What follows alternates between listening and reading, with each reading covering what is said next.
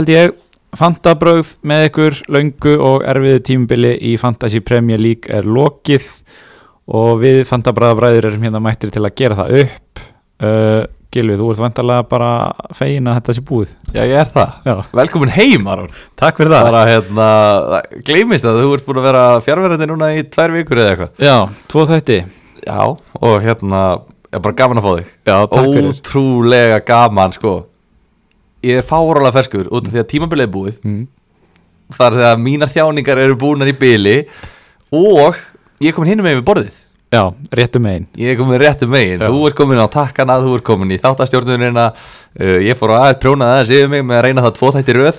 En, hérna, en vá maður, nú er maður komin sko, nú er sögumarið komin fyrir mér. Já, ég verður að segja að ég hef sjaldan verið betri og bara búin að hlaða batterín Já, út á landi. Já, og bara gekk vel í fantasínu á meðan, meiri segja. Já, varst að, sinn, varst að stela svona til hliðar. Já, þú veist. Herru ástu mín, ég þarf aðeins að skreppa hérna á klósettið.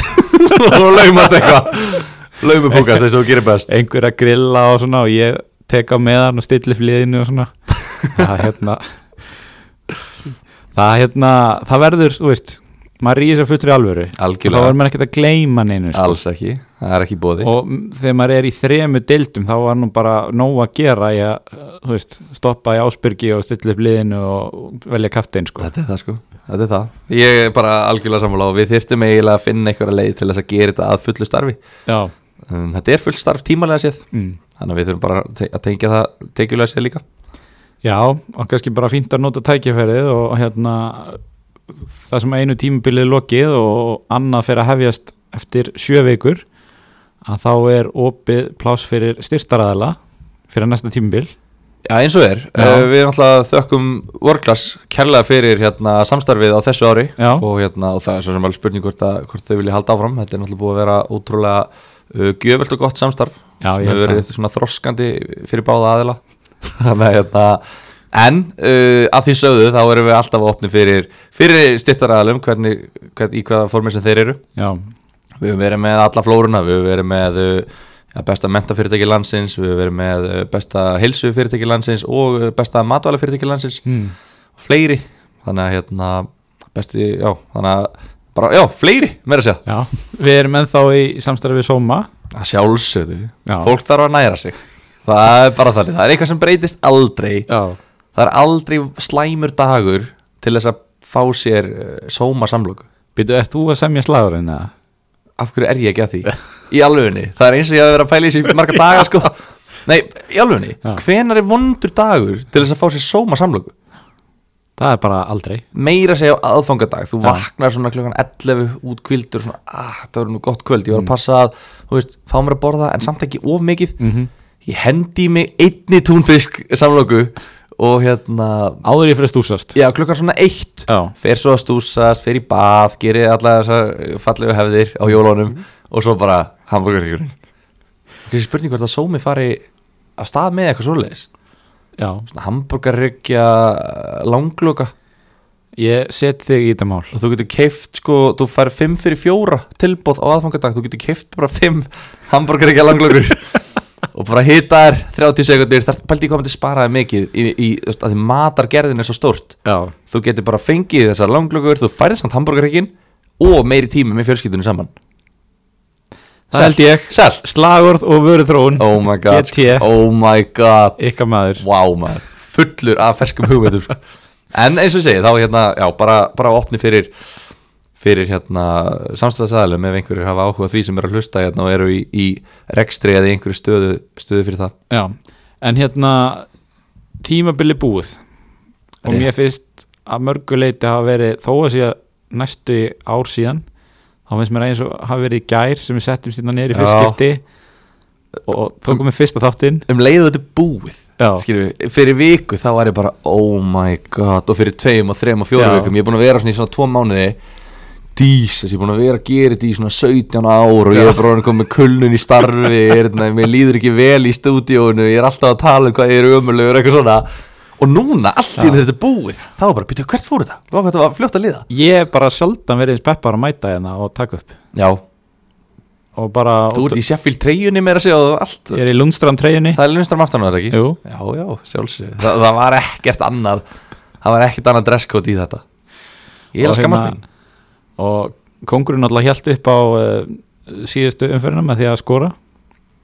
Já. Lundström, ég held að Já. vera að tala um sjálfa þessum kong ég, ég veist ekki alveg róa sig. hvað, hvað varst búin að vera að geta þarna í, ferðinni. Róa sig. Uh, já, já, en herru, bara, förum bara yfir þú veist, tímbilið í heild svona örstuðt já við þurfum ekkert að ræða þú veist, okkar umferð held ég. Nei, þannig nei, séð, þú veist, ég, ég hérna átti fríhittið eftir og notaði það svolítið í síðust umferðin bara til að nota já, og eins og með, það hefur verið Svona- ótrúlega skrítið ef það hefur bara sleppt í sko. Já, svona þó ég hef bara gert tvær breytingar sko. Alveg nei, þú veist, þó ég hefði. Já, ég ætla að endaði á síðustu stundu og gera fullt af heimskulegum breytingum sko. Já, var það heimskulegt? Já. komum þetta ekki gott út eða? eða sko, þú veist, ég hérna oh my god eða sko, ég vex að 77 stig sem bara fín Já, því þú ert svona, svona að skrolla upp hægt og róla, þannig að þú ert svona að revíla liðið hægt og róla, fyrsta sem ég sé Martínez, 1 já, ok, skrollar upp í varnalínuna Ben Davies 2, Aurier 2 Holding 0 þannig að þetta byrjar umurlega sko. Já. En svo fer þetta nú aðeins að en svo er restin með stig sko fyrir utan Mikael Antonio sem að fekk 0 já, sjátt á Kristoffer Mána sem að keipti hann fyrir lokaðumfyrirna og lofaði þrennu. Já, hann á að vera áræðanlegur hérna, heimildamæður, hann lofaði þrennu. Uh, ég er þetta ekki með það í lítum tilbaka við, hérna, það er svolítið eins og þú svona, þú veist er allt, ert alltaf harður á því að menn sé að fara að skora fimmörk sko, það er, er ekki svona raunhafum tölum. Já en samt sko yfirleitt gerist það sem ég segi. Já. Ég veit ekki, ég var með var með náttúrulega með Störling og De Bruyne fyrir umferðina og var alltaf að fara að setja annarkoð þeirri í kaftin enda í Störling sem er náttúrulega var svona lala, þú veist, jú, hann skoraði hann eftir sendingum frá De Bruyne sem var mjög fínt. Já, en þessir allir fengu bara þokkalegt af stigum Störling, Mares og De Bruyne.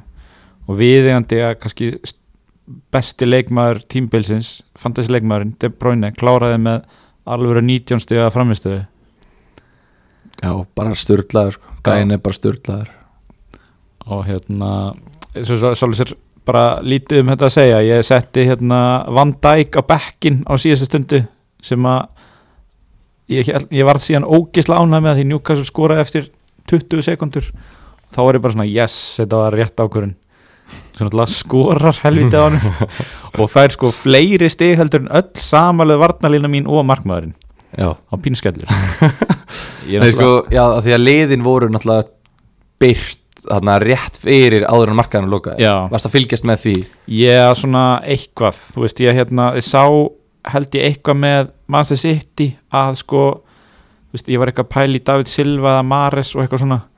Og hérna ég seldi þess að í raun og veru Martial til að taka Mares inn já, og svo sá ég einhverja frétt um það að þessir allir byrjuðu sem að reyndi síðan ekki rétt. Já, já en. Mares náttúrulega startaði ekki. En Liverpool-fréttina voru réttar. Já, þannig að þú varst að lauma þar á gerfi klósett svona 7 mínútur í 2 ég var náttúrulega komin heim í gær sko að þú varst komin heim? Já, já. já, já, þú varst náttúrulega sjálfsög Heru, ferðinni verður að vera lokið fyrir klukkan 2 á sunnudaginn, Já. það er loka umferðin. Nákvæmlega. Já, já, herru, já uh, bara flott og ég sé að þú aldeilis náðir að rífa þig upp í overall rankinu. Sko, þessi COVID-pása var eitthvað besta sem kom fyrir mig í fantasy þessu tímbili. Já. Það er bara, ég er búin að vera, svo ég segi sjálfur frá, bara nokkuð góður. nokkuð góður, maður sjá, við erum í hérna gaming history, skoðum hvernig þetta er búið að þróast end, end, enda í overall rank 188.000. og úr því sem komið var Já. myndi ég segja að það væri bara frábært Já, ég meni, ég hef aldrei verið svona hátt uppi á tímbilinu. já, já, þú ert að toppa á réttum tíma Já. Og þú ert að fara sko, þú varst í hvað 670 þegar COVID kom Já. þannig að þetta er eiginlega bara uh, þetta er eiginlega bara magnað og þetta er þinn besti árangur frá upphafi Nei, þetta er ekki, sko, ranking-wise er þetta ekki mitt besta, en þetta er einhverja síður hæsti stigafjöldi sem ég hef fengið. hvað er bestið?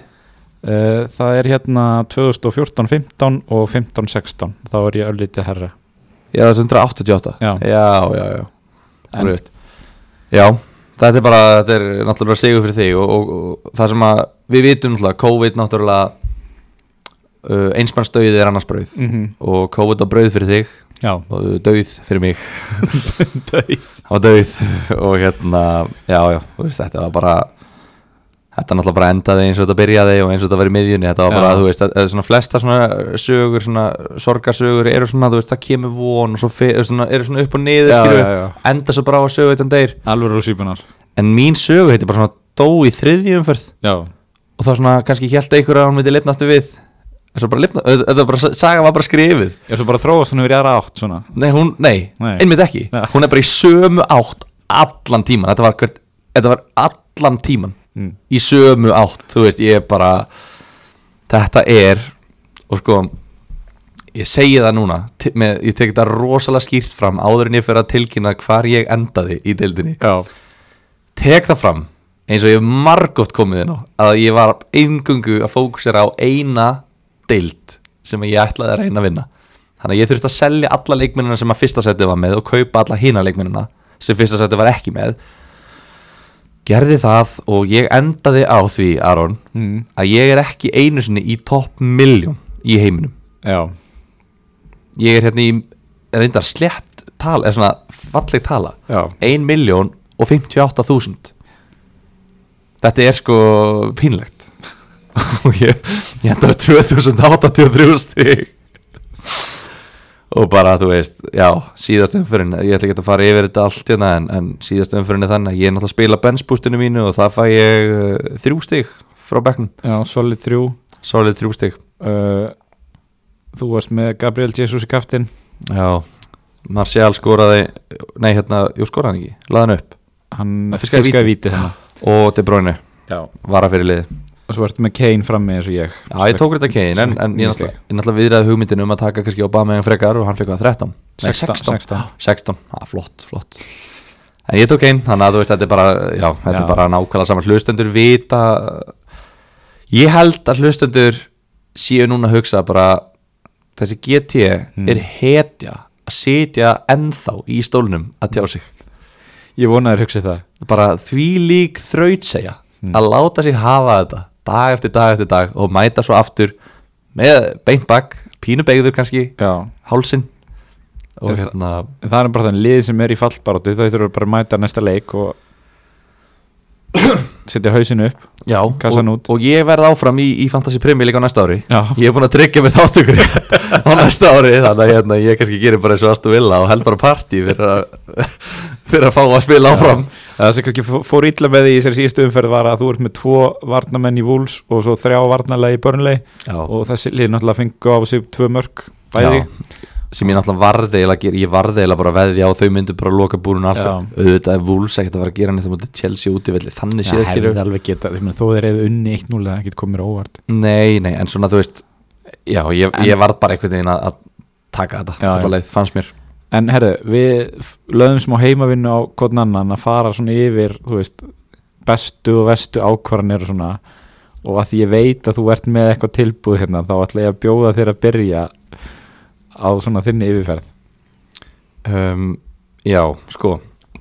Ég lærði hans heima fyrir þetta Já, fyrir eina þátt, ég viðkynni það. Ég hugsa, já, gerir þetta tímabili upp, ég vil fá bara svona ákveð closure á þetta tímabili þannig ég fór svona að hugsa, þú veist, hvað var þetta svona raun og veru, veist, hvar fjall þetta allt, skilur við, veist, af hverju náði ég ekki að laga þetta? Mm, og, þú veist, ég er kannski bara orðin fórnalamb hérna, en þetta er sko, þetta er ótrúlegt bara, veist, ekki, veist, já, bara fórnalamb líka eigin heimsku stundum, en þetta er ótrúlegt tímabil sem, þú veist, ég var að skoða þetta þetta er bara, þetta er magnað. Um, en ég fekk svona, og, og það sem ég held að allir muni fá, ég mæli með fyrir alla að logga sig inn á í tölvunni já, og fara í hérna, eða ferði í points og ferði í Game Week History hérna hægra megin Já. undir hérna, nafninu hjá liðinu inn og það er allt hérna hægra megin, Ga View Game Week History. Ítir á það þar sérðu yfirleitt yfir Game Week History og sérðu hvernig þú þró, sætiðin þróist og svona. Mm ferði í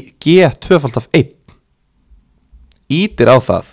Já, og þú mynd fá hjarta áfall liðið er svo ó, þetta er svo þú, veist, þú meira að segja. að sjá liðmanns í fyrstu umferð. þú veist, þú ert hérna með bara Sinchenko, Sigurdsson Já. Saha, King, Moise Keane þú veist, þetta, er ekki eðlilega lélegt lið. Ég rúlaði gegnum þetta einmitt í dag allar umferðnar og ég var bara guð minn alváttur algjörlega. Við vorum bara þarna að tala um bara þú veist, ég fór bara trippul Everton Mhm. og reyndar einn í Bornmoth en ég man svo vel eftir, við vorum að tala um að taka bara þrjá í Bornmoth Já, og margir voru bara með Callum Wilson og Joshua King. Og þú veist mér finnst pínu fyndi núna að hafa verið með Greenwood í liðinu í byrjun. Já. En hann Vitandi náttúrulega- ekkert hvað hann gat, þú veist, þetta var svona, kostaði bara 4,5 og maður bara svona fylla bekkin en þú veist, já, þetta er ógíslega fyndið. En Ég var sérst með Ryan Fraser og Joshua King. Já, og Ryan Fraser er náttúrulega bara eitthvað mesta one season wonder í, sérst, ekki núna heldur í fyrra. Já, sá gat ekki í blautan. Joshua King vonbri uh, Diego Jota vonbri allt tímabilið. Og þú veist út af því að hvað hann síndi í fyrra. Mhm. hann var, gat ekkert svo breytur um kerfi og þá bara blómstra hann. Já, þannig að maður viss, maður, maður hugsaði já ég veit hann getur blómstrað, ég ætla að halda honum að- eitthvað svona þannig að maður held honum einhvern veginn lengur. Hann er hérna, Seamus Coleman er hérna, Lukas Moura er hérna, Mhm. engin Kevin De Bruyne á 9,5 miljónir þú veist, þetta er bara pældu í því að það var svona 75% af kannski spilurum sem voru ekki með Kevin De Bruyne í byrjun tímabils á 9,5 miljónir já, þetta er bara magnað að að horfa á þetta og hugsa bara vá, þú veist, erum við með podcast um þetta og erum að hafa okkur svona? En þetta meikar sem ekki sens in the moment. Já að þó að, hérna, ég ætla ekki að fara að hrósa mér eitthvað ómikið, þá náttúrulega var ég með hann í fyrstu umferðinni. Já, að því að ég man svo mikið að það var búið að tala um sko Sala og Störling hvort þú ætlar um annan af þessum tveimur eða Mhm. báða. Þú varst með báða ekki satt? Jú, ég tók Sala og Kevin De Bruyne svo náttúrulega fór fyrsta umfyrir þannig að sko Störling skora þrennu og De Bruyne bara leggur eitt upp ekki satt? Jú, og, og hérna og þá fekk ég panik og skipti á þessum tveimur tók Störling fyrir De Bruyne já, og þá þetta voru síðan 11 og stig í næstu umferð versus 6 en að því ég tók vældkart í umferðinu með 3 þá var ég fljótur að spreita þessu tilbaka og tók til bróinu aftur inn en þú varst með hann svona frá byrjun eiginlega. þannig að ég í raun og veru var meðan frá Já. byrjun fyrir utan umferðinu með 2 og ég setti það einmitt sem svona mína bestu ákvörun í Að hann byrjun. þetta veturinn að vera með hann frá byrjun já, ég er svo sem líka ég var fljótur á, á vagnin Mm. líka, ég held ég að keift hann bara eftir fyrstu umferð frekar en að væl, ég er allavega notaði velkart þessi tvær umferð held ég og þá, þá tók ég hann inn, ég held ég að keift hann eftir fyrstu en það var svona, já, þú veist, það er kannski svona eitt að fáu sem að ég var svona, já, þetta var af því sem ég gerði við náttúrulega munum hvernig þetta tíma verið byrja það var eiginlega, ég mátti eiginlega ekki tala í mikrofónin án þess að það rættist. En sko, af því sem að ég síðan stóð við sjálfur já, þá er ég með hérna já, ég var með Kevin De Bruyne nánast frá byrjun ég var með John Lundstram frá byrjun. Uh, og svona Sala var hérna svona meir og minna þú veist, þetta, var- þetta var svona, þú veist ég veit ekki uh, en ef við förum svona aðeins, skoðum þetta aðeins mm. uh, maður fær 38 breytingar já, veist, þetta er ein breyting í hverju umferð þú fær 38 fríar breytingar Já. í fantasy já. uh, fjórar af þessum 38 breytingum Mm. fóru í að kaupa Aguero fjóru sinnum á tímabilinu keifti ég þennan mann og gaf hann um tröstið og það er náttúrulega fór eins og það fór ég er náttúrulega blómstra í byrjun svo kaupi ég hann þá ægist aðeins á honum og bla bla bla við vitum hvernig það fór. Já. tvísvar keifti ég Nikolas Otamendi. Já. og ég var með hann í liðinu mínu í tíu umferðir af 38 þetta er galið sko. rúmlega fjórðungur af tímabilinu þetta er galið. er ég með Nikolas Otamendi í liðinu mínu. Því hann var ekkit ókipis Þú veist, hann var ekkit eitthvað á 4,5 eða eitthvað. var hann ekki á hann var 5,5 örugglega- hann frekar byrja, 5 byrjaði örgli í 5-5 og fór náttúrulega fljótt nýri svona Já. 5-3 eða eitthvað. Já ég held, já. Allavega þetta því hann- sögðu, hann spilaði eiginlega ekki neitt. Þegar hann spilaði fekkar hans í mörg já. og þú veist svo sem best hvernig hann stóð sig. Ég náttúrulega keift hann eftir hérna drauma leikin þar sem á móti Watford Já, 8-0 já. þar sem hann skorar og leggur upp og heldur hreinu. Jafnvel skora tvö eða eitthvað. Eða eitthvað, þetta var eitthvað svona ótrúlega framist og ég eitthvað svona, ok, ég veit hvað hann getur í fyrstu leikatriðum, hann er að byrja hann byrjaði alla fyrstu leikina. Alla fyrstu leikina. Já. hann og Laporte, eða held ég og La- Laporte, þanga til að þeir áttu þennan hann uh, Norvits leik, var það ekki jú er það ekki. En þú veist allavega, þú veist, er náttúrulega uh, hver, sem, hver sá sem er að hlusta á þetta veit náttúrulega bara að það er gjör sannlega galið að vera með ótamendi í tíu umferðir af 38 og ég gerir mig grein fyrir því sjálfur, ég við ekki neða en uh, þetta var svona uh, það sem að feldi mig. Ég var að taka líka sjens á raungum tímabilum, augnablikum mm -hmm. uh, Sebastian Haller tímabilið ég var svona að líta tilbaka og, Ah. og ég er svona, já, alveg rétt ég kefti hann, ég held ég að kefti hann tvisar já þú, varst all, þú varst allavega með hann allt og lengi. Allt og lengi, allt og lengi sko. Uh, Jetro Willems já, það var skemmtilegt. Það var gaman en þú veist, en það skilaði eitthvað með árangri ég að, ég held að það hafi verið fyrst og fremst skemmtilegt fyrir þáttin en ekki endilega stígasöfna því. En, við, en við náðum svona, þú veist, það fór Willems lestin fór í gang Já, og menn já. voru alveg að taka þátt í þessu en ég er kannski átt að lesa þess í það að samfélagi tók ekki alveg eins vel í Haller. Já, þannig að hérna, ég átt að losa hann fyrir ég kefti Gilva Sig sem veist, gerði ekkert fyrir fantasy. Og svo þetta klassiska þegar þú varst alltaf að peppa sko Jethro Willems en svo var einhver hlustandi sem heyrði eitthvað vittlust og keipti sko Brandon Williams í Master af það. Það var náttúrulega bara ógæst að fyndi líka maður shit, við þyrftum eiginlega að fá eitthvað til að hlusta á alla þættin okkar. Klippa svona highlightsin. í alveg, af hverju erum við ekki búinir að því hafa bara svona best of fantabröð já, ég hérna maður er alltaf að sjá þetta, þú veist, á Twitter og svona, þú veist, Já. menn enn að halda tölfræði yfir ótrúlegustu hluti, mm -hmm. þú veist, svona fótboltafíklar þú veist, og við erum fótboltafíklar við erum kannski að eyða tímanum líka, þú veist, í að gera þættina og, og bara annað líka. Þannig að, hérna, ef einhvern nenn er að hlusta á þetta allt frá byrjun og, og hérna, klipa hæla sér, þá náttúrulega bara spilum við þann þátt og, og það er eitthvað meðlustin á það en ég kefti Martial á vittlensum tíma ég kefti Aguero náttúrulega alltaf á röngum tíma eiginlega. svo þegar ég kefti ekki Aguero þá kefti ég Gabriel Jesus. Ég, hann, Já. ég, ég held ég að vera með sóknumann uh, sitt í, í svona 15 umferðum með eitthvað af 38 uh, Adam Smith var þarna, Wilfred Saha þetta var bara svona, þú veist fullt af feiluðu dæmi. Um, fríhitliðið mitt. Já, Ég, mér tókst það náttúrulega það sem að eiginlega yngum öðrum tókst að fá tvö rauðspjöld fyrir frí hitliðið mitt. Og ég vil bara sjá einhvern reyna að leika það eftir. Ah, líka sko þú notaði eiginlega fríhittið óvart. Já, þú notaði fríhittið þegar allir aðrir voru með vældkart í gangi já, í fyrstu umferð eftir COVID. Já.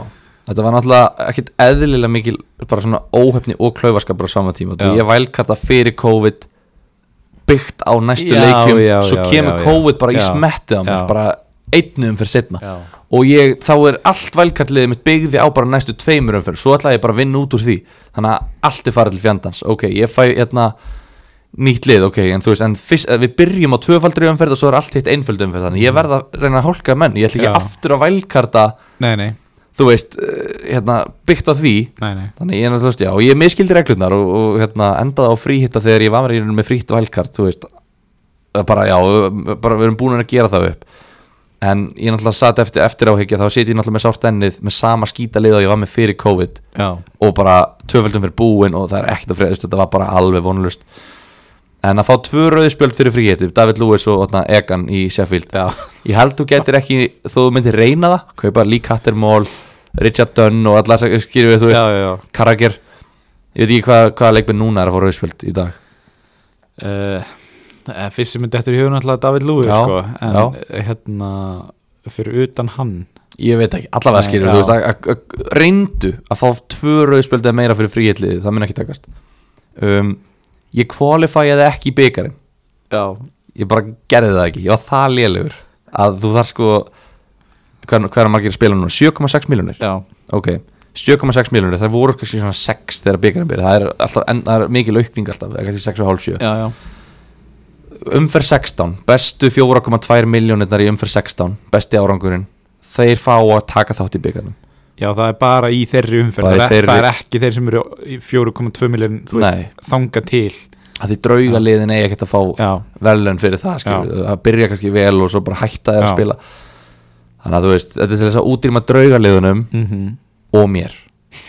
Þú veist, ég fekk ekki að taka þátt út að ég var hérna í Game Week ranking upp á 4,8 miljónir eða eitthvað. Já, þú veist, þetta, þetta, þetta bara stoppaði mig bara ef þetta er of langt eða eitthvað. Ég fekk 23 stig í einni umferð. Tók mínus 4 stig. Já, þannig ég fekk 19 stig netto fyrir eina umferð.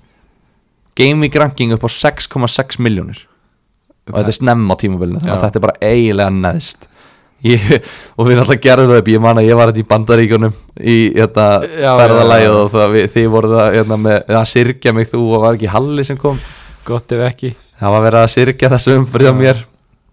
Uh, Umferð 5 umferð 5 þannig að þetta var held ég met að ná 19 stigum í sömu umferðinni. Nema hvað? Já, ég bætti síðan þetta með setna á tímambilinu þegar ég fekk 15 stig netto. Þannig að ég fekk aftur 23 stig eftir að gera þrjár breytingar taka mínus 8 stig út af því að þetta var þegar engin átti leik í Sheffield og Man City. Já, þannig að ég tók hérna inn einhverja gæja þú veist og svo var Vardí var kvildur Den Donker kom inn á í 10 mínútur og fekk guldspjald þannig að hann fekk 0 stig. Uh, Bóli fekk 2 mörg á sig og uh, fekk 0 stig. Gómez var kvildur uh, hérna, Sala var að fyrir liði á móti Watford á útivelli Já. fekk 2 stig. Þessi ógislu umferð. Umferð 28 sem að reynda margir þurft að þjást skilur við, þú veist það voru mjög margir. Já, við ég- sjáum average var 26 Já, þannig að þú veist þetta var bara algjört grín sko, þannig að þú veist þetta er bara þetta er bara sagan, þetta er bara tímabili mitt í nótskun, setna velkærti mitt þá tek ég Aguero inn Mhm. og hann er fyrirlið hjá mér held í tvöfaldri umferð og hann spila 58 mínútur á móti mannjú og hérna fær eitt stig Já, og svo spilar hann ekki setni leikin Já, setni leikin já, var frestað eða eitthvað þannig að ég fæ eitt stig fyrir fyrirlið minn eftir velkærti, þú veist þetta er bara svona þetta er svona típist fyrir þitt tímbil svolítið. Og ég ætla að býða með að gera upp síðustu tvær umferðirnar af því það er líka uh, romsa. Ok, uh, þannig að hérna ég er búin í byli skúrkasaga GT tímabilið 2019-20 er búin í bili. Eh, má ég klára hana? Já, má ég, má ég klára hana? ég ætla að klára hana. Ég ætla að klára hana Aron. ok. Umferð 37 mm ég á benchboostið og trippulkaftin eftir. Já, ok og ég er að hugsa ok City á Norvits heima Liverpool á Chelsea heima síðasti heimaleikurinn lifta titlinu þú veist þetta var að vera mörg ok. Ah, ég veit það ekki alveg. Æ, mér líður ekki vel að vera að nota benchboostið núna. Ég er geimið það, ég nota trippulkaftin núna. Sala getur alveg skorað mörg stig heldur en, De Bruyne í næstum fyrir eða, Gabriel Jesus. Ég set Sala sem trippulkaftin á mútið Chelsea Liverpool skorað 5 mörg ég missa á leiknum. Já, ég sé, heyrðu, Liverpool skoraði 5 mörg geðveitt, Sala við skoraði öll. Nei, leggur upp 1 mark. Hann fekk 5 stig sem trippulkaftin veistu hvað, varamannabekkurinn minn fekk á meðan? Það fekk mikið. 22 stig, Já. að því að með Phil Foden á bekknum sem skoraði og Trent sem skoraði lagði upp og fekk bónusinn 22 stig á bekknum sem að ég misti þarna Hmm. á að nota ekki benchboostið það eru ok, þannig að ég er búið með trippulkaftinni í umfyrir 38 þá verði ég að nota benchboostið Já. ég fæ þrjú stig í benchboostið Já. ok. Segjum að ég hefði átt trippulkaftinni eftir. Já, mögulega hefði ég sett á þá á Kevin De Bruyne. Hefði það getið gerst. Þú veist, það hefði alveg getið, ég veit ekki skilju þannig að þá hefði ég fengið hvað 57 stig fyrir trippulkaftin og Mhm. 22 stig fyrir benchboost Mhm. en ekki 15 stig fyrir trippulkaftin og 3 stig fyrir benchboost þetta er hvað, ég á búin að reikna þetta hérna 52 stig að sveifla Já. netto. 52 stig þetta, bara þetta Já, hefði sett mér langleiðina upp í topp 500k ok. En ég er ekki einu sinni í topp miljón í staðinn. Þannig að þetta bara endaði eins og þetta byrjaði eins og þetta í miðjunni. Oh, og ég, mér líður bara sér sjálfræðtíma, ég er búin að gera þetta upp núna ég er bara, ég laus við alla mína syndir og bara, þetta er búið, þetta er gert og ég er alveg handviss um að, að þetta sé bara byrjunin á stóru ævintýrasögunni. Þar sem Já. söguhættjan þarf að fara í gegnum djúbalæð og dimmadali Já, og ég mun vinna þetta á næsta ári. Ég get alveg lofa því, Aron, ég mun vinna þetta á næsta ári. Herru, já, þetta var gaman að heyra. Ég bara byrðist afsökunar á hvað þetta var langt. En veist, þetta var bara svona langt. Það var svona mikið sem voru og við segjum, þetta var langt tímbil einhverjir 350 dagar eða eitthvað. Já, þetta var það maður, uff er þú með eitthvað svona, Ég er ekki með svona sorgasögu nei, en ég tók saman svona þrjár bestu ákvarðanir og þrjár vestu ok og ég setti í þrjár bestu að þetta að vera með Kevin De Bruyne frá byrjun sem eina af þeim Númer tvö að taka inn Jamie Vardy akkurat á réttum tíma fyrir 20. umferð hjá honum á mótið Sáðandón 20 stiga umfyrir Já. já. Og eiginlega losa hann á réttum tíma líka. Ég seldan hann að síðasta leik fyrir COVID-pásuna Var hann ekki líka fyrirlið hjá þar á móti Sáðantón? nei, hann var ekki fyrirlið Nei. En þú tókst hann allavega þarna, þú Já, kiptir hann fyrir og hann þetta. skoraði í þetta var held ég annar e- e- fyrst eða annar af sjö leiki með röð Já. sem hann skoraði. Og hann var bara kaftir hann hjá mér margar um fyrir röð. Og þetta gekk bara algjörlega upp.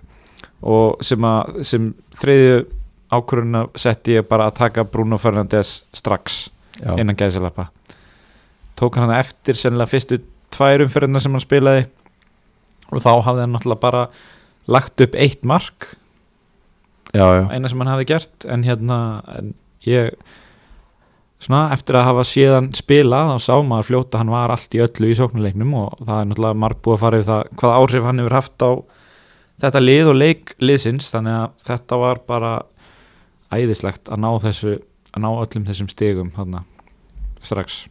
Já, bara klárlega. Og bara, einmitt, þú var bara rosa að taka hann. Já, ég, ég sá líka þessa fyrstu tvo leiki. Ég var að horfa hann að manni, þeir voru að spila skemmtilega fótbolta Og Mhm. ég sá hann á móti vúls og veist, áhrifin sem hann hafði á sóknarleik manni bara maður, ég, ég held bara að það væri ekki hægt að kaupa eitthvað leikmann, bara. Hvaðan kom hann, Portugal já, Sporting Lissabon. Kaupa eitthvað leikmann úr Portugal og hann dominerar Mhm. ennsku úrvalstildina Mhm. svona mikið.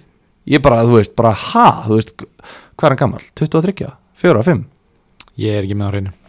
Það verðum með skipti kannski göllu, hann á nóg eftir. Já, hann er nú eftir, en Já. bara svona, þú veist ef hann er ekki 18 ára skilu hvað er hann þá að gera í Sporting Lissabon? Já, sjá, við verðum með hann er 25 ára, hann er, þetta er 94 mótil þú veist hvað er hann búin að vera að gera, okkur er enginn búin að hyrða hann? Þetta var svona, ekki, þú veist, maður var að pæla í þessu skilu bara, þú veist, hann getur ekki komið hérna og, og haldið þessu út. Mm en svo náttúrulega fekk manni hvað, 14 vítaspinnur eða eitthvað. Og bættu, met á einu tímbili. Já, bættu metið þannig að veist, bara það er náttúrulega að spila stóran hluta en það er bara hlu- hluti af fantasi líka að vera með vítaskiptunar í liðunum og, Já, já, ég meina, þú veist, ég hef alveg sem stöðningsmaður annars liðis verið perraðar á því stundum hvað er fá marga vítaspinnur en ég meina minnst tíu af þessum vítaspinnum voru bara víti. Já, já, og hérna lítið við því að segja sem hérna þrjár verstu ákvarðanar hjá mér þá setti ég nummer eitt að hafa ekki náð því besta út úr trend já, það er að segja ég var með trend alveg stóran hlut á þessu tímbili en mér fannst ég einhvern veginn veist, ég seldan hann að rétt fyrir uh, lesterleikin einhvern tímann, hann um jólin. Já, sem hann fekk náttúrulega 24 stig held ég. Já. Og svo kom bara, og þá var þá líka sem er skellt í lás, Mhm. fengur bara ekki á sig mark í einhverja áttaleiki eða eitthvað. Og ég einhvern veginn svona, þú veist, enda á að selja hann og kaupa hann síðan aftur á einhverju 0,4 dýrari eða eitthvað. Og svona, þú veist, jú, jú, ég fekk alveg einhver stig fyrir hann í vetur en, en hérna fristaðist til að vera með hann, þú veist, að sleppa honum á tímum sem hann fekk hellingastigum. Og ég held bara þegar næsta tímbil byrjar þetta verður bara fyrsti maður að blað já hann, hann er að fá yfir 200 stig Já, 210 held ég. 210 Og- sem er sko næstu í jafn mikið og mann og sala. Já, og við bara svona náttúrulega hinga til hefur þetta verið þannig að dýrasti varnamæðurinn kostar aldrei meir en sjö þegar tímbili byrjar. Og við bara bindum vonum við að það breytist ekkert og þá er sjö bara gjöfin ekki gjald. Ég var einmitt að fara að minnast á þetta. Það er ekki séns í helviti Aron Mm. að hérna hann muni kosta minna heldur en 8,5 miljónur sko. 8-5 hann er ekki verið að kosta minna en 8,5 miljónur næsta ári sko. Þa, það bara gengur ekki upp. Ég segi max 7-5 ég hef aldrei séð dýrari varnamann í upphafi tímbils heldur en 7-5 nei, en við höfum líka aldrei séð svona vardamann Já, við höfum aldrei séð svona vardamann við höfum séð vardamann sem er annarkvort Mhm. annarkvort er hann að fá stig eins og Leighton Baines. Já, eða heldur hreinu eins og bara nefnanni Vitits já. Höfum aldrei séð vardamann sem er bæði í besta varnaliðinu mm og besti sóknarsinn hann kemur að 19 mörgum Já, held ég. Ég held að, já, skora þrjú og leggur um 15, hann- ég kannski 18 Nei, ég held að hann við sko skora fjögur og lagt upp 15 Já, ég held að hann Það skora já, skiptir ekki máli. Ég var að skoða þetta á hann. Ég mér minnir þetta sé skora fjögur og leggja upp 15 mörg Hann er að koma að 19 mörgum Þetta er svaðalegt. Hann er, nei, auðvitað, horfum bara kallt á þetta. Hann S- Mo Salah Já, Hvað kostaði hann í byrjun? 12,5 ég held það. Hann er að fá 233 stig Fyrir tímabilið. Og Trent er að fá hvað? 210 Já, Trent er að fá fleiri stig heldur en sko hann er að fá eila jafnmörgstig og Störling fleiri heldur en Störling held ég. Hann er að fá aðeins færri stig heldur en Mane. Hann er aldrei að fara að kosta minni en 8,5 hann Já, verður þú- 8,5 Já, Robertson og Van Dijk verða 7 6,5, 7, já. okay, þetta verður bara allt óbreytt. Þeir verða bara að gera undantekningu fyrir trend og hann verður bara að kosta 8,5 miljónir þetta er ekki, það er ekki hægt að hafa hann á 7 miljónir því ef hann kostar 7 miljónir þá er, þá er fantasi ekki að búa til neina hausverka, þá er, þetta engar, þá er, ekki, þá er engin ákvörðun að taka. Hmm. ég myndi að ef að Sala myndi kosta 7 miljónir já, já, hann er með 100% ownership skilju. Trent verður með 100% eignarhald ef að verða 100 ef hann kostar 7 eða 7,5 Já, við bara reiknum með því. En hérna segjum 9, ég að segja 9 Ok.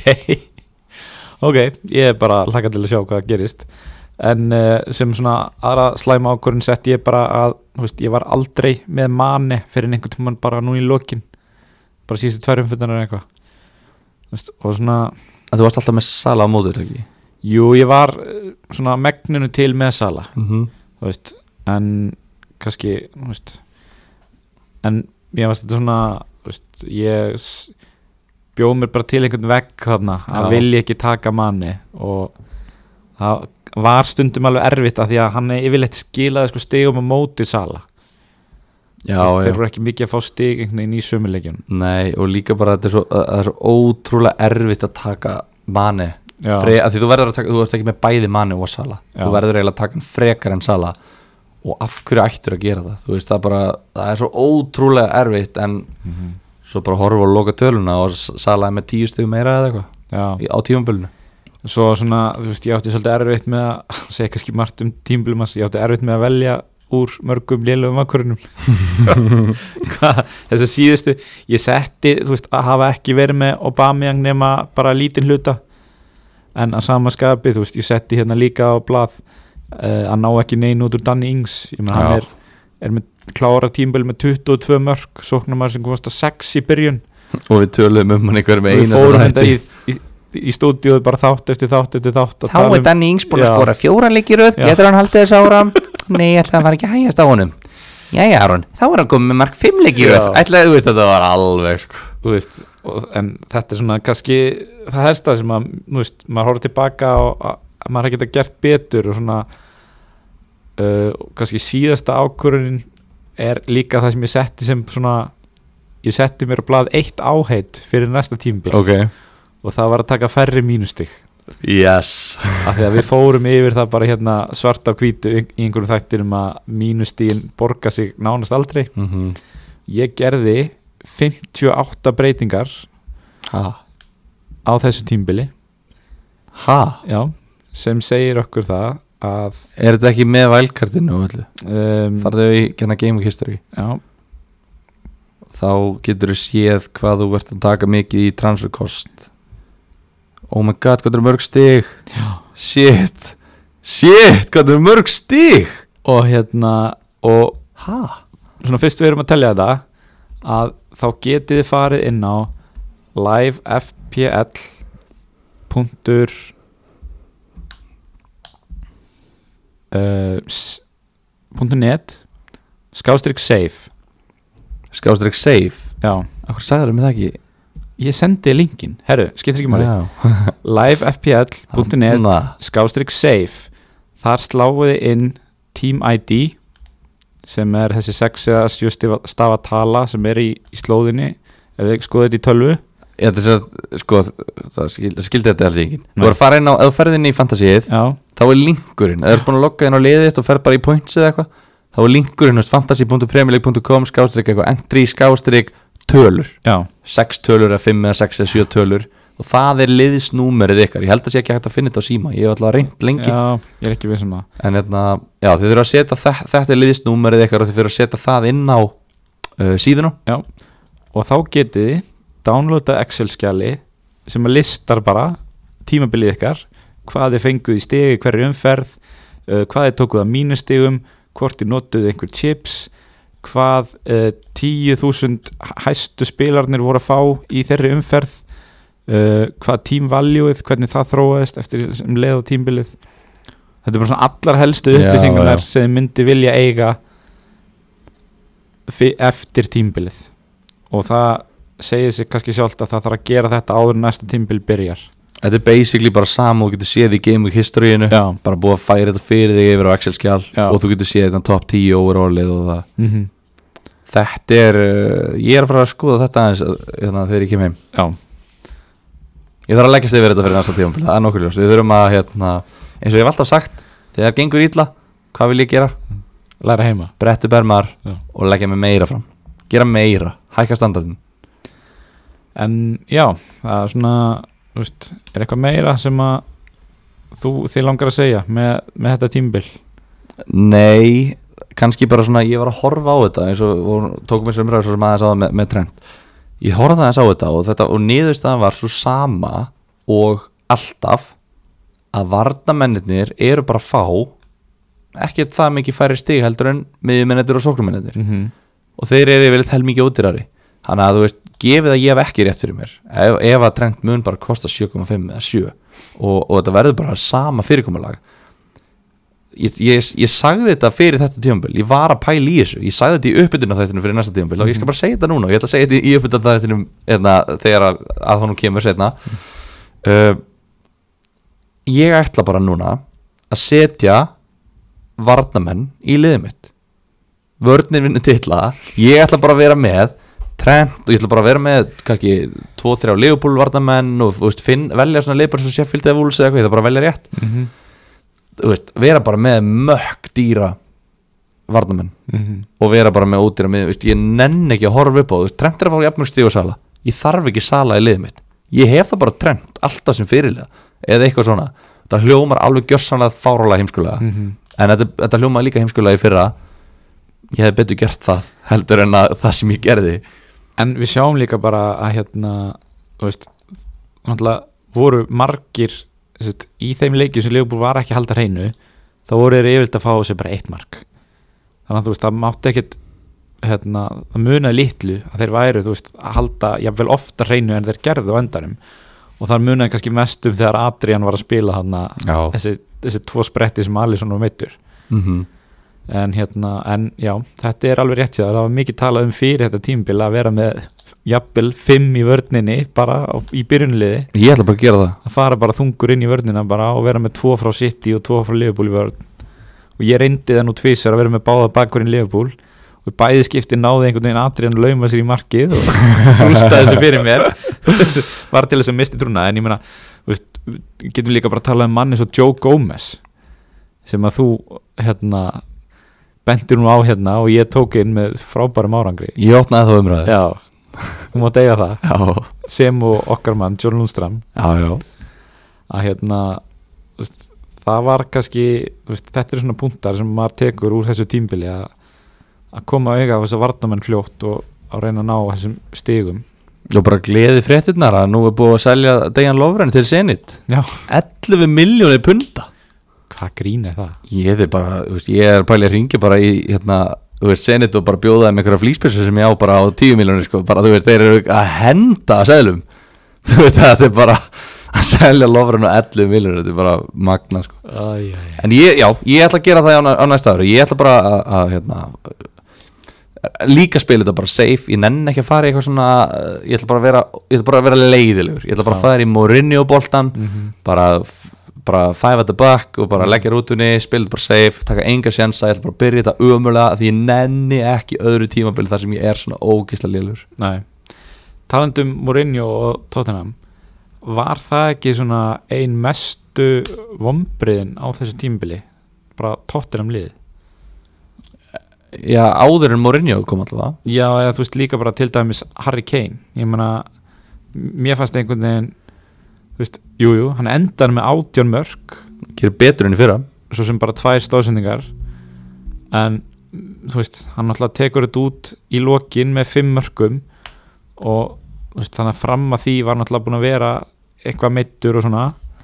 En ég veit það ekki. Mér finnst svona ein mestu vombriðin í ár. Já, það var fyrir 11 miljón valjúð í þessum gæja var náttúrulega ekki neitt sko. að Nei, bara Harry Kane sem að, sem að hefur nú ekki mist af mörgum mínútum. Nei, fyrir henni í, í fyrra og núna.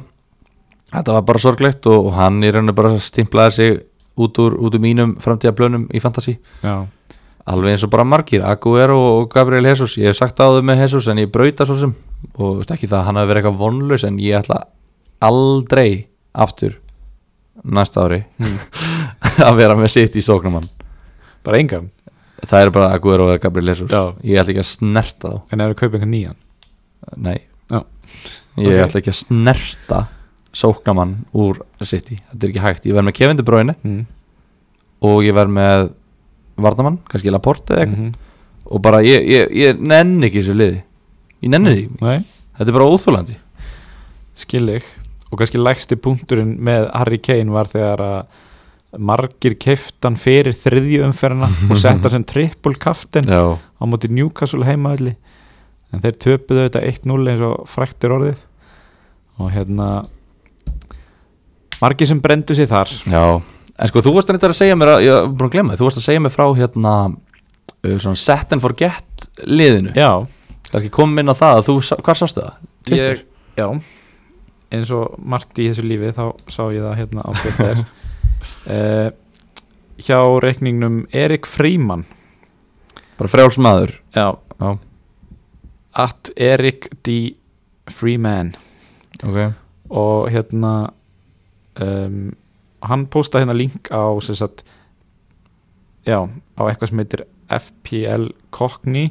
Og þarf að vera að fara yfir besta liðið sem maður hefði getað stilt upp fyrir 100 miljónir í byrjun tímbils og sagt að breyta aldrei og þetta lið hefði endað í sjönda sæti overall. Og það er, ef við förum bara frætt yfir það er Nick Pope í markinu. Það er Trent Lundstram og Enda Stevens í verðinni það er Kevin De Bruyne, Mo Salah Mane og Martial á miðinni og það er Jimmy Vardy, Danny Ings og Raúl Jiménez frammi. Uh, Kevin De Bruyne sem kaftin þá alltaf og Sadio Mane sem væskaftin. Svo bekknum ertu bara með menn sem kostar fjóra eða 4,5 og koma þá já líklega aldrei inn á. Náttúrulega Rico og Den Donker eru á bekknum. Að þeir letu að koma einhvern tímann inn á eins og þegar að Lundstram er ónáttað varamaður eða, eða salaði kvildur já þetta er þá bestu stígin sem þú getur fengið já, Ríko náttúrulega ódýrast eða fjórar og dendangir, já. Þa, sko, hvað hefði þetta liðlengt í? Sjönda sæti overall. Já og þá er náttúrulega eins og þú bentir á hérna á hana þá he- hefði þetta lið náttúrulega þá eftir að telja inn í triple kaftin og þú veist öll spilin. Já, já, en þa þannig kannski þú veist sýnur okkur að ódýri sóknarmennir innan, innan gæsalappa náttúrulega þeir stóðu sér vel í ár já Jimenez bara hjælt áfram sína síðast ári. Og þetta er svona líka, þú veist, ok, kannski stangast á það sem að ég var að tala um að þú veist, þetta lið er að spila 3-4-3 já, það eru bara þrýr varnamenn í þessu liði. Já, já.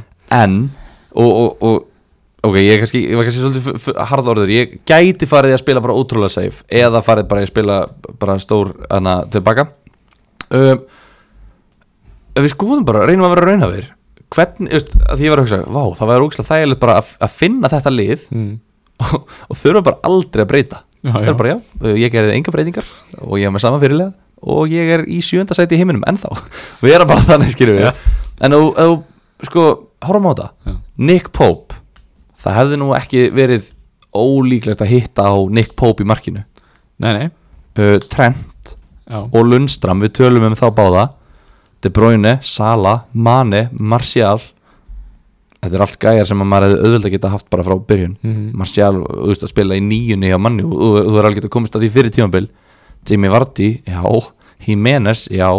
Og Danny Kings var kannski svona óvænt, hann byrjaði á 6 miljonir og maður, þú veist, jú, jú, auðvitað fór hann langt fram úr sínum og, og væntingum og, og allra annara fyrir mér er þetta bara tvei leikmenn að það sem að maður átti ekki séns að hitta og það er enda Stevens og, og Danny Ings. Já, já og ég held að sé sem alveg þú veist, hægt að taka undir það. En hérna ég veit ekki, hefði maður hefði maður meikað eða svona miklum pening í sko Sala, Mane og Kevin De Bruyne í byrjun? Ég er ekki viss um það. Nei, minna, nei, út af því að maður hugsa ah, ég verð samt að vera með einn luxusóknum ég verð að vera með Aubameyang eða Aguero eða Harry Kane og bara svona, svo bara pælum maður að spytur í þessu byttu en þeir fá ekki eins mörg stig. Mm -hmm. Af hverju ætti ég að hafa hann ef hann fær ekki eins mörg stig? Þú veist, þetta er svo heimskulegt, við erum svo heimskir á Mm -hmm. þetta er óþólandi shit sko. Herri, ef við förum aðeins yfir bara hérna, aðilann sem að vann þetta, já, vann þetta í ár sem að þú ætlaðir að gera en, en tókst ekki. Já, við verðum að fara yfir, yfir mittlið á næsta ári. Já, að það var búlgari sem að vann þetta í ár og fekk samtals 2575 stig. Alexander Antonov.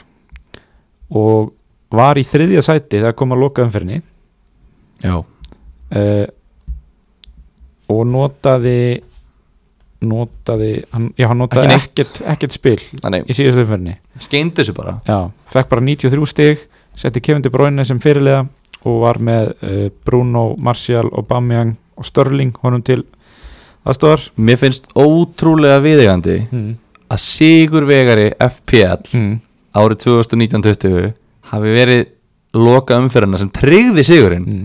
með Orier í liðinu sín mér finnst þetta bara svo fallegt að sjá hann hann Já, já, það er svo sem hérna, fleiri góði spilarar sem gera það til dæmis sá sem hér setur já þú, Já, þú gerir það en þú vannst ekki FPL sjá, Nei. getum við séð hérna? Æ, við hefum kannski átt að vera búnir að undirbúa þetta. Hvernig hann hann er hérna í topp þúsund alveg bara allan tíman eiginlega. Já. Já, hann er komin í topp 2000 bara strax í umfyrir með 2 og ef við förum yfir bara hvernig viðkomandi spilaði sko úr spilunum já, hann tekur vældkart í umferð 2 og 23 bara snemma. Já, bara um leið og hann getur. Nákvæmlega eins og við gerðum hann tekur triple kaftin á trend í umferð, hvað er þetta? 24 hvað er þá að gerast? Það er 24, það er tvöföld umferð, já. Wools og Vestham, já, sem við töluðum um að þegar þeir eru með Wools á útivelli og Vestham á já, og við vorum að tala um að þeir gæti nú bara múra fyrir þetta var þegar að, já triple kaftin á það, það eru eistu já. sem er bara jákvætt hann notar bench boost í er þetta ekki fyrsta umferðin eftir COVID? Er það ekki? svo sem, jú, jú, alveg einhver stig þar. Já, þarna, Já, já. þetta er náttúrulega tvöfaldað umferðin hérna. Já, Þannig með Enketia hérna og Aubameyang og Egan og Lundstram Störling og De Bruyne. Fernand, já, já, hann fær stig á bekknum þetta, þú veist, eins og gefur að skilja þegar þetta dettur svona. Og fríhittið um fyrir 31 þegar Martial, hann er með Martial hérna með þrennuna. Já já, já, Við sjáum, er þú veist, hann hitti svo sem vel á eins og kannski gefur að skilja, hann var heppin hann þarf þú- heppni til að vinna þetta. En hérna, en tók einhver síður góðar ákvarðanir og, við höfum svo sem talað um það hérna áður að, að uh, þeir sem eru vanir þeir spilarar sem eru vanir í þessu taka gerðnan á veldkartið snemma og, og það hérna reyndist allavega vel hjá þessum að vera og þessi gæði er að taka 28 stigi mínus fyrir transferin já, í heldina já, hann er alveg að nota mínustigin uh, hvað hérna sjáum við hérna hvað hann gerði heldina marga breytingar, já já, 67 breytingar fullt af breytingum. Já, þetta er með náttúrulega vælkartinu og því öllu já, Þannig að þetta er, þetta er flott, það er bara til að hafa mikið með þetta Antonov eða að hlusta. Þetta var hérna, flott hjá þér, flottur strákur Alexander en það sem Antonov. hérna, mér langaði svolítið að nefna því að Fantasí síðan byrti svona hálgera yfirferð fyrir veist, byrtu svona helst, efstu spilarana og, og hvað hérna hverja þið verið með í liðinu svona. Og það var skoti hérna Chris McGowan sem var efstur uh, en dattnir í þriðasæti í lokaumferðinni fekk bara 58 stig. Og ég held að þetta sé, ertu búin að skoða þetta? nei, ég vil meina að þetta sé bara léleg heimaðina að því að hann spilar triple kraftin loka umferðinni á Mohamed Salah. Oh my god. Og er svo sem ekkert eitthvað með veist, frábært lið eitthvað þannig séð sko, ég meina hann er með hérna í framlínni, jújú, Chris Wood Danny Ings og Rashford. Hann er með hérna Bruno Störling og Sala, hann er með Orier í liðinu eins og fleiri. Sko, hvað er hann langt á eftir? Ég meina þetta er bara ákvörðin sem að rústaði tímbilinu hjá veist, hann er einhverjum 26 stigum hann á eftir sigurverðan en ég meina Já, að þessi gæi ef, ef ég, ég get alveg sagt þetta á næsta ári Aron, þegar ég verði í fyrsta sæti eftir 37, en nei, kannski tekið þetta bara í lokaumferðinni segjum að ég slýsist til að vera í fyrsta sæti í 37. ferð og síðast umferðin er að byrja, það er allir leikinn á sama tíma við höfum séð þarna hvað hva heitir Twittergæðin sem er að, búin að vera að leika liðbúliðunum það ekki- FPL Rockstar Já. við höfum séð leka á Twitter byrjanliðurum, ég væri að refressa þanga til eina mínúti í að klukkin loki síðust Mhm. umfyrirna, þá myndi ég bara segja ef ég væri í ringferð eins og þú á næsta ári þá segi ég bara, heyrðu ástu mín uh, ég þarf pásu núna aðeins frá lífinu, ég er að fara hérna að vinna vælkart og ég ætla að bjóða þær hérna á leik í útlöndum fyrir, fyrir velunum við uh, og ég myndi fara, hvernig getur hann ekki skoða þetta?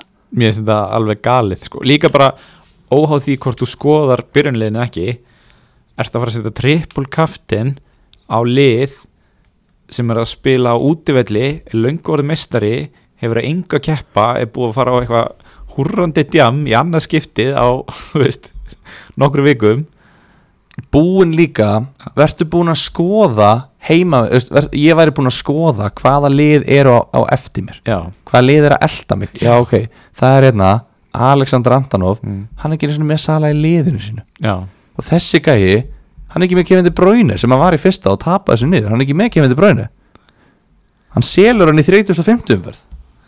Já. Þetta, bara, þetta er ekki báðulegt og hérna Chris, ef þú ert að hlusta skammastu þín.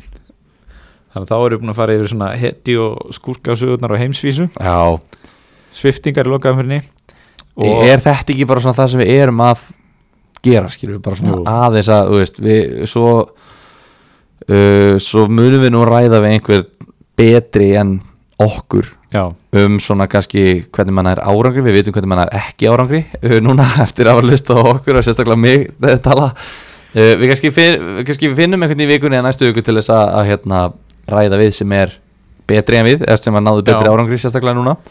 Uh, förum kannski að sé við það og svo er bara já það er náttúrulega bara spurning hvort við verðum áfram á næsta ári. Já, og hérna það á eftir að ganga frá samningamálum og svona þannig að, að það er aldrei að vita. En þú veist en ef við verðum áfram á næsta ári þá náttúrulega bara förum við og kannski hitum við fyrir næsta tímabil þá þegar að leikurinn kemur í loftið og allt þetta. Já, já en að því sögðu þá náttúrulega hvet ég alla til þess að sem eiga það eftir og ætla að vera með það næsta ári sem eru náttúrulega allir uh, til þess að finna okkur á, á Instagram og Facebook, það er Instagram með Fantabröð, Facebook, Fantabröð og Facebook hópurinn. Fantasy bræðar yfir. Fantasy bræðar, já ég man aldrei hvað Ég held alltaf að hann heiti Íslenski bræðar yfir. Fantasy bræðar yfir heitir hei, hópurinn. Já. Sko, finnið okkur núna þó tímabilið sér búið út af því Ég væri til að vera ekkert að pæla í þessu Taka mig bara sumafrí Mhm. Vera svo bara að skrolla á Instagram og sjá svo bara þegar að þú postar Leikurinn er komin aftur, verðin eru komin Og þá bara svona já, veist, bara til þess að fá líka bara áminninguna Hvernig þetta byrjar Þannig að hérna Já, bara núna, ítið að pásu og hérna Græði þetta en næsta tímbil svona á að byrja 12. september eftir sjö vikur Já, og leikurinn hefur yfirleitt farið í lofti svona cirka mánuði fyrir tímbil Já. Þannig að við ættum vonandi ekki þurfa að býða meira en svona þrjá-fjóra vikur eftir að nýtt tímabil fari af stað í Fantasí Ég vil samt ekki byggja minna heldur. Nei, nei, Ég þarf alveg, þú veist pásu. Já, já, já. COVID var engin pása maður var alltaf að hugsa um þetta og svo, svo svona, þú veist, láta á mér ó, já, eftir að hérna, sökka eins meir í, í búið, ég ætla bara, ég ætla ekki að ég vil ekki heyra orði minnst á fantasy enska, svo við erum náttúrulega íslenska líka en, en það náttúrulega gengur aðeins betur þar þannig að, það kom kannski betur út í það eftir en hérna að því við fórum yfir í, á heimsvísu er þá ekki viðeigandi að fara yfir sigurvegarana í eða sigurvegaran í Böttvarsildildinni Er það ekki? og eh, efstu fjórir allavega ég var ekki- ekkert fara neitt lengra niður en efstu fjórir ef ég, ef ég, ef ég skoða þetta rétt í Böttvarsdeildinni voru líka efstu fjórir á landinu. Og það var hann Gunnar Björn Ólafsson sem var efstur á Íslandi og efstur í Böttvarsdeildinni með liðið Hammer Time. Hammer time. Og heldur betur gaman að sjá að það byrtist uh, myndband á honum inn á grúpun okkar að fagna maður. Og hérna gaman að sjá að fantasy samfélagið kann að meta svona Já, og þetta er gæðið til þeim sem gerir heima hann fríhettar í lokin og þú veist, hann tekur David Silva sem var alltaf að fara að spila þú veist, bara óöfilegt í raun, Mhm. hann hefur ekki gert neitt meira. Mm -hmm. hann er með á Bameng, Ings og Kane þú veist, þetta, er, þetta er flott lokaðumferð, hann, hann lokaði sigrinum. Hann er í sæti 194 í heiminum já, sem er, það er næstu gott. Eða bara ótrúlegt. Fær- samt sko 100 stigum frá fyrsta sæti. Þetta eru svona, ég, fatt, ég gerði ekki grein fyrir því hvað það voru miklar sveiflur í hérna í topparátunni 100 stig fyrir mig myndi ekki setja mig upp með svona 300.000 sæti sko. Einmitt. Þannig að hérna, nei meira svona 600.000 en allavega bara velgert hjá, hjá honum og hann er rauninni, þetta er í rauninni yfirbara sigur hann er eitthvað 50 eða 47 stigum á undan Hannesi Bjartmari Já. með góða liðið. Mm og svo góð vinnur þáttarins Teddy Ponsa er hérna í fjórðasetti já, og bara sjátt á þetta eh, Óli Sigursson verður samt að hann er náttúrulega reppibránsið Já. það, er, hann er stíi ofar enn Ponsan. Já, þannig að hann er að standa sér betur en Ponsan og við verðum að, að gefa hérna Óla krediti fyrst held ég.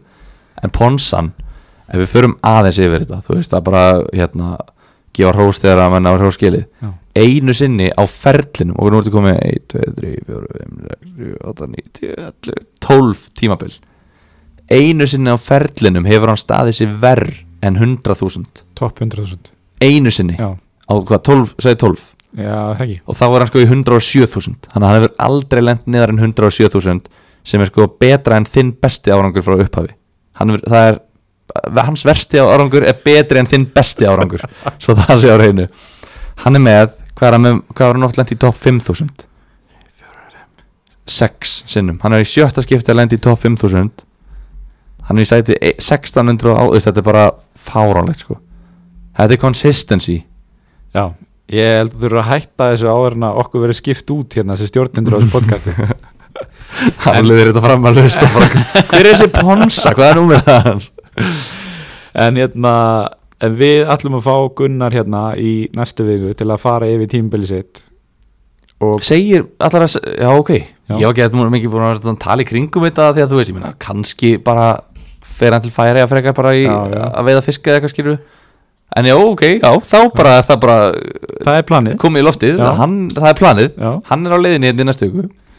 Og hérna, við ætlum að læra af þeim, af þeim besta. Og skoða hvað er hann að lenda overall á ferlinum, hvort þetta að vera eitthvað svona one season wonder eða ekki. Já, já, já.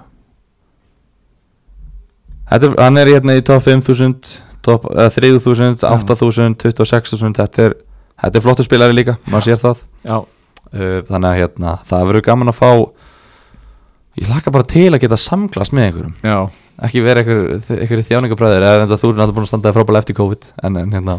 Já. já, herri, ef að færa okkur í íslenska boltan eða? Er það ekki? hvað voru við lengi með hanska? klukkutíma. Klukkutíma? Já. Vá, en við erum svo það er lítið að segja um heina deildin þannig sé núna. Já, en já, er ekki bara íslenski? já, Eitt punktur inn í lokin Ég er að sjá hérna frétt á fótboll.net Southampton fekk fleiri stig heldur en Leicester eftir 9-0 tapið. Já, ég hef búin að sjá þetta líka. Ha? þetta er galin, störtlu starrend Þetta er sko í lok oktober Þetta er ekki bara eitthvað í mars Þetta er í lok oktober, þetta er magna. Segir okkur það hvað sko lestir voru góðir fram að því? Já og S- Southampton góðir eftir það Já. Mér finnst að segja meira um hvað Southampton voru góðir eftir það heldur en Leicester lélegir út af því að veist, þeir voru nála bara Þeir voru umlega eftir COVID. Já, og Heyrðu. þú veist, svo sem er vangbróti lið ég vantaði að mann fannst hálft lið hann í leiknum í Já. Herru, losum okkur við hennan ennska ég, Þetta er búið. Officially búið. Er að fara í Hvað er að fara í? hvort viltu fara í feist Uh, ég er alveg til að klára bara hérna, eigabitan og og það er umferðin er í miðjum gangi. Já, þannig að það er svona lítið sem við getum getum rætt þar nema bara þessa tvo leiki sem eru búnir. Hvernig gengur þar? Hvað ertu, stað, hvað stendur á land, landsvísu? Uh, á landsvísu það, ég átti umhverju umferð síðast. Ég fór úr 11. nýri, ég er í 25. á Ok, landinu. ok, allt í lægi sko, þú veist þetta sleppur alveg en það átti allir lélega umferð mér er svona svolítið leiðilegt að, að, detta niður. Ok. Þannig að já, 2005, gott að hérna liði valið sport, Tindur, vinnur okkar vinnur þáttarins og, og gammal hérna gestur í þættinum, hann er ennþá í sjötta sæti. Herðu, hann hefur nú glaðst í gær. Mason Mount skoraði og lagði upp. Já, og laði bara sjálfur að sem já, en hérna, já, hann hefur glæst í Já. og, og já, þannig að þú veist, þetta er uh, þetta er bara allt í lagi, ég notaði vælkartið fyrir þessum umferð ok. Það, við gerðum nefnilega ekki á milli umferða við töluðum ekkert um það, ég notaði vælkartið og ég er fáránlega ánægð með liðið mitt akkurat núna. Mér finnst þetta bara drullu hérna drullu flott. Þú ert sáttur með útkomuna? Já, ég er það. Ok, þú ert með Tómas Mikkelsen sem fyrirlega þessar umferð. Já, tvö mörg Hvað er átján stig fyrir hann? uh, ég ætti að fá nei, já, hann fekk náttúrulega engan bónus og fekk guldspjöld Já. trúður, komin í bann. Verður í banni í næsta leik? Uh, já, er það næsti leikur eða? Já, já, aganemdin hittist. Talað um það. Já, jú, þetta, er- þetta, er svo, þetta er svo magna kerfi. Maður er haldið bara fjóraða gula átó gult í næsta. Já, en þú veit að þegar aganemndin hittist bara einu sinni viku já. á þriðju dögum og úrskurðar menn í bann á fundinum veist, þeir, þeir bara fá, já, eru, þessi er að fara þeir eru svona, já, tjekk, þessi fyrir bann. Mm. og það tekur síðan gildi á föstudaginn mm. þannig ef þú færið fjórða gula spjaldi á þriðjudagskvöldi þá var það ekki tekið fyrir fyrir en viku setna og tekur gildi viku og þrejum dögum setna Mm. ég veit ekki, kannski er þetta ekki svona í Pepsi-dildinni þetta er Nei. allavega svona í neðri dildinum Ok, en allavega, skiptir ekki mál hann verður í banni í næstu umferð út af því að aganemndir hittast bara morgun hvernig er, nú bara þekki ég það ekki Gilda spjöldin líka í Gilda þessi leikbunni í byggarnum?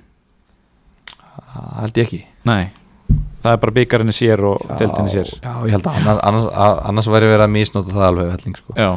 En Viktor Jónsson líka með mark og stóðsendingu já þú tókst hann inn. Tók hann inn og hann er með áttastig Mhm. ég skilaði Patrik Pedersen og hann alltaf meittist Já, er eitthvað með fréttir með hann? Hvað var lengi frá? já, Birgir Már Sæfarsson sagði vist í þessu valspodcasti að hérna að hann hefði bara verið eitthvað dramatískur hann væri svolítið dramatískur og hann væri bara klár í næsta leik. Já, ok. Þannig að hérna, ég held að það sé ekkit eitthvað alvarlegt en veist, þetta leit út eins og eitthvað tak í bakinu eða eitthvað svona bakmeðsli er alltaf óþægileg sko. En hérna, já, ég er með Óta Magnús en þá allir sigur hans komin í liði ánægilegt að sjá að hann fær bónustig í 0-0 jafntefli sem er bara sigur fyrir mig, þannig að hann enda með 5 stig. Ég tók Kristinn Frey. Já, það er náttúrulega bara, þú veist algjörlega mest spennandi leikmaðurinn að mínum að það og 10 miljonir þeir eiga jú FH en svo eiga gróttu og káa heima. Já. Og fjölni náttúrulega núna þannig að veist þetta eru þrýra fjórum leikjum á móti þessum liðlustu liðum í deildinni.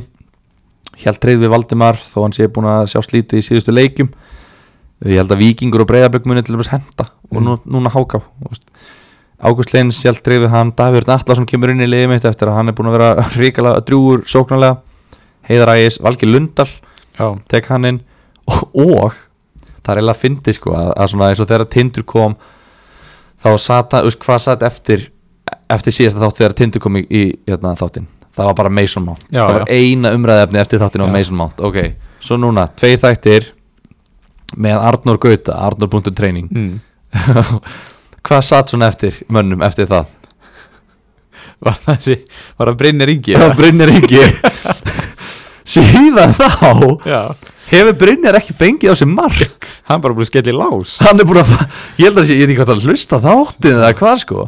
Síðan Arnur Gauti var að tala um hennan, um hennan leikmann. Já ég tók um Brynjar þetta hann er með fínt próf, eitthvað svona. Já, Gróta 60, FH 60, KR 60 þeir eru búin að halda hreinu í einasta leik. Og byrju, hann er búin að skora tvö mörg á tímbilina er það ekki? Jú, ég held Fyrir þetta? jú. en ég kefti hann fyrir síðustu umferði að þar, nei ég kefti hann fyrir gróttu umferðina. Já, og að meðan svo er búin að vera á bekknum á FH og KR já, sama hér. Þannig að hérna en þú veist, ég meina Arna Gretars effekt, þeir eru bara búin að loka markinu og bara Allt í einu þetta orðið en einhver pæling sko að hrúa inn hann að mönnum baka til í káa sko. Kannski ekki hrúin en, en kannski leifa honum að vera. Já, þannig að ég not, já bara þú veist það er bara flott og hérna gott að þú veist eiginlega þrý leikmenn allir konum að blað sem spilu og þetta er bara bara flott. En nú ertu svona nú er Brynjar kannski uh, þú ert með Brynjar á bekknum svo ertu með Vilhjálm hérna í fjölni og Gabriel Hrannar á bekknum. Ertu ekki trættur um breytinu hér? mm, nei. Ég, ég ákvað bara, ég hugsaði ok ég, var búin að vera með góða breyt, ég var búin að vera með tvo, tvo til þrjá jafnvel sem voru að spila. Já, ég hugsaði bara, æ, veistu, þú veist þetta, þetta gengur alveg upp svona. Já, þetta eru allt bara, veist, allir sigur hans er eiginlega bara alveg læstur, Stefán Átni er meittur Óskar Örn var að detta úr liðin og kosta Stefáns, mm Mhm. allir er bara eiginlega virðist með hægri kantin alveg læstan, mm Kitty er komin í liðið og ég er eiginlega alveg 100% viss um það að Kitty mun ekki spila sig út úr valsliðinu, sko, hann er Já. búin að vera það góður. Já, Ágúst Lins, hann spilar alltaf. Þetta er, þetta er einn að fáum í, eh, kannski ekki fáum en einn að svona, kannski, jú, kannski hálf liði sem er með garanteraðar uh, byrjunarleis mínútur í hverjum einasta leik Valdimar, veist, þetta er allt bara byrjunarleis menn nema kannski Valgi Lundal sem er nýkominn inn í liðið mm -hmm. en hann er ekkert að spila til að missa hver hann að missa sæti sitt eða meiðast ég veit það ekki Svona sem engin sko En veistu hvað stöðun á Viktori þetta leit ekki frábælega vel út sko. Nei. hann hakkaði öklan á hann sko. þetta geti, ég held að þetta geti alveg verið þrjár fjóra vikur sko. Já Þannig að við bara verðum að sjá hvað gerist með það. Hann náttúrulega svolítið uh, náttúrulega smá stund í næstu umferð sem er eftir Vestlumna ekki já, samt bara rúm vika. Já, en ég held að mér finnst ekkert, ó, ég held ég selja hann öruglega ég keifti hann hvað sem er bara fyrir þessu umferð. Já. þannig að ég selja hann öruglega bara á sama verð og ég keifti hann á. Og hérna eftir fjölinsleikin þá er FH fylki, Káa jú, þetta er eitthvað gott prógram en ég veit ekki, ég kannski ég við sjáum til, við þurfum að sjá til bara. Hvernig gengur þér í þessu? Herru, ég er uh, nummer 69 á landinu. Ok, sem er nú bara betra en ég hefði búist við. Já, ef ég á að segja alveg svar. Uh, ég hérna uh, ég er með Stephen Lennon sem fyrirlega þessar umferð. Þeir eru, já, gróttu. Þegar ég gróttu heima í kvöld. Oh my god, þannig að ég bara hlakka til að sjá hvað kemur út á því uh, ég er svona, ég tók mínus átta fyrir síðustu umferð. Já, ok. Bara til að, að ég sá svona glugg á að búa til lið sem ég væri sáttur með.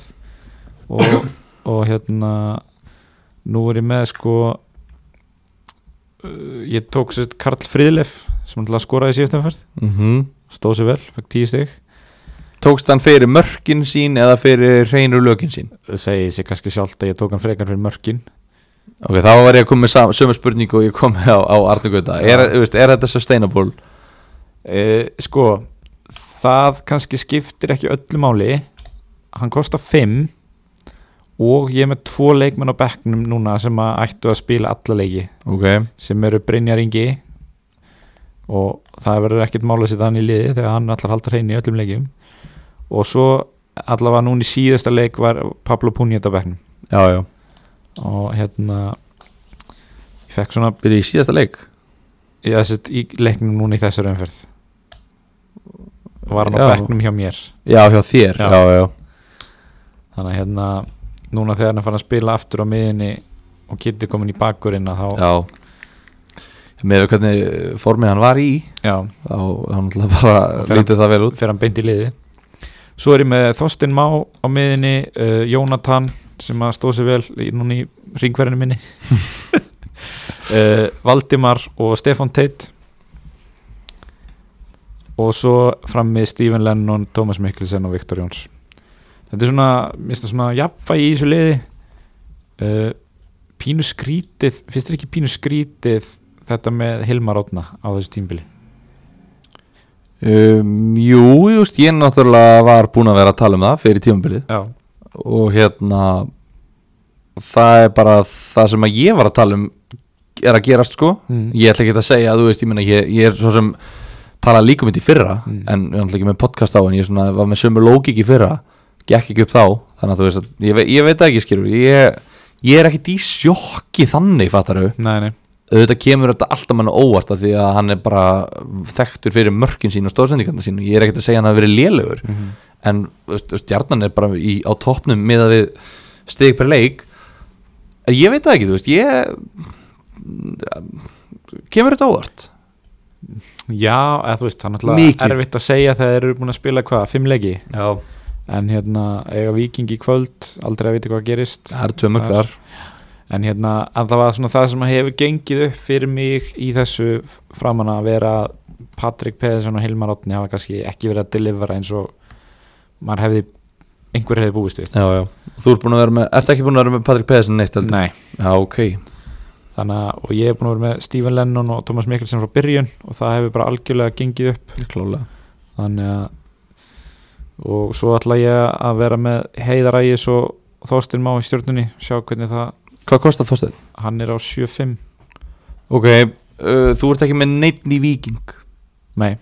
Uh, Ástæður um, ég var með Gustaf Linsson í byrjun gafst upp rétt en hann fór að gera þetta eitthvað. Ok, Þú veist, áður en hann fór að skila stigum þar að segja. Ok. Um, ég veit ekki. Þeir eru bara svona lið sem að þeir geta klálega að skora sex mörki leik eins og við síndum út í skaganum en svo bara veist, koma leikir þar sem að þeir skapa sér allar færi. Mm og maður þarf bara að taka ákvarðan í þessu og ég meni ég er, þú veist, þetta er ekkert einhvað meðvitið ákvarðan að sleppa vikingsmönnum en hérna allavega eins og staðan er núna þá er engin vikingur í liðinu og ég nema eitthvað breytist þá er þeir ekkert eitthvað þá er ekkert að drífa mig að kaupa á sko nei, nei, nei. ég var með þetta að pæla með, þú veist, ég var með uh, Jónatan Inga, ég var með Valgir Valgeirs ég var með Ágúst Lins í Valkartinu sko, Mhm. og við erum svona, ah, þú veist ætti ég að reyna að uppgreita Ágúst uh, verðlega séð Já. til að uppgreita hann í Jónatan, mér langar að vera með Jónatan í liðinu mínu, já, svo hugsaði ég bara, þú veist, Jónatan mér finnst miklu skemmt mér finnst hann- hann miklu skemmtilegri leikmaður. Já, mér finnst þetta miklu svona Ágúst Lins, við bara höfum rætt hvernig leikmaður hann er. Mér finnst bara miklu skemmtilegra að horfa Jónatan spila fótbolta. Mm uh, ekki það að Ágúst sé eitthvað að það sé leiðilegt að horfa Ágúst spila fótbolta það er bara svo skemmtilegt að horfa Jónatan. Uh, en þeir eru eiginlega með jafnbörg stig já, og Ágúst kostar 6,9 Jónatan kostar 7,7 ég held að Valgir sé á 7,6 líka. Og þeir eiginlega allir með sama, sömu stígin og ég hugsaði bara að býta vám af því það er allir að tala um eitthvað, "Ó, Ágúst Lins hann á að geta miklu meira hann á miklu meira inni en svona. Svo finnst mér um að Jónatan og Valgir vera með en svona, já, þeir eru bara, bara flottir í sumar eitthvað svona. Þannig að fantasilega séð er þetta bara á það sama og ef Ágúst á eitthvað meira inni þá vil ég hafa hann ódýrari og fá meira fyrir hann sko já, já, algjörlega. Og hérna FA og núna val eftir gróttuleikinu er val í á stjörnuna ekkert auðvelt program Nei. Uh, ef að fara okkur yfir í 50 skills eða? Já, það ekki bara, Ekki. höfum þetta bara nýtmiðaða stutt og umfjöldum laggott. Uh, Stutt og laggott. Uh, uh, uh, Já, markaðarinn það er opinn. Já, Hann lokar á morgun klukkan 5 uh, Þegar að IBVF mætir Selfossi og Þór mætir Þór Káar Nei, Þór Káar, Þór mætir Káar Þór Mm. Káa mætir Káar Stjarnan þróttur, Valur F á fylki breyðaflik uh, Sorgar tíðindi, ég datt niður í þriðja sætið í hérna í deildinni overall.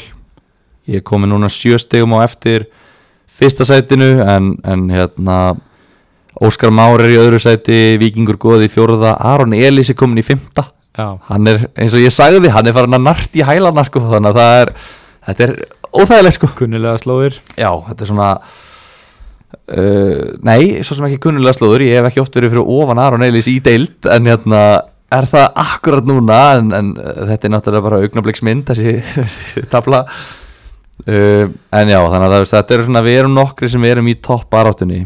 Kristján Jónsson er þetta hérna gæðin sem vann þetta í fyrra er það ekki Kristján Jónsson í sjötta. að þannig að við erum nokkri hérna að keppast um þetta og já eins og segi fyrsta seti sjöstegum á undan mér og, og hérna og fyrsta seti bara gengur stendur sér ágætlega líka. Herru, hvernig fór síðasta umferð hjá þér í þessu? Hún gekk bara ágætlega at the end of the day. Já, uh, var þetta ekki umferðin sem ég notaði vælkarti mitt, jú, það held ég. Þú farð 108 stig. Já, þú ert með Katrínu Áspjós sem fyrirlega já.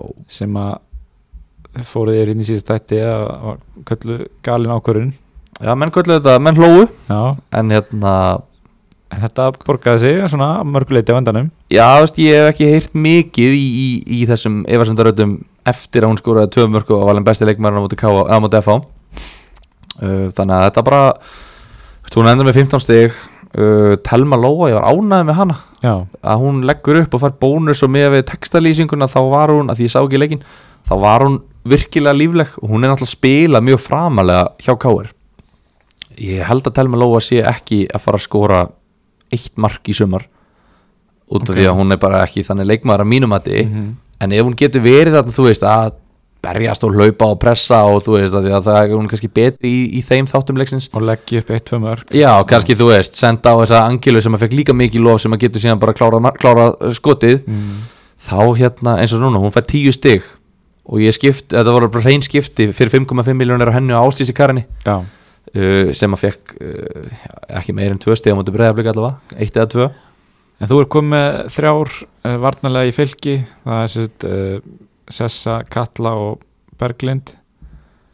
Ætli, ég- Nei, nei, ég nota ekkert velgætið mitt. Er það? Ég, Alveg rugglaður ég man ekki hvort ég Sko, af hverju ætti ég að vera með þrjá í fylki í vörn? Og svo er þetta svo leiðilt í síma sko.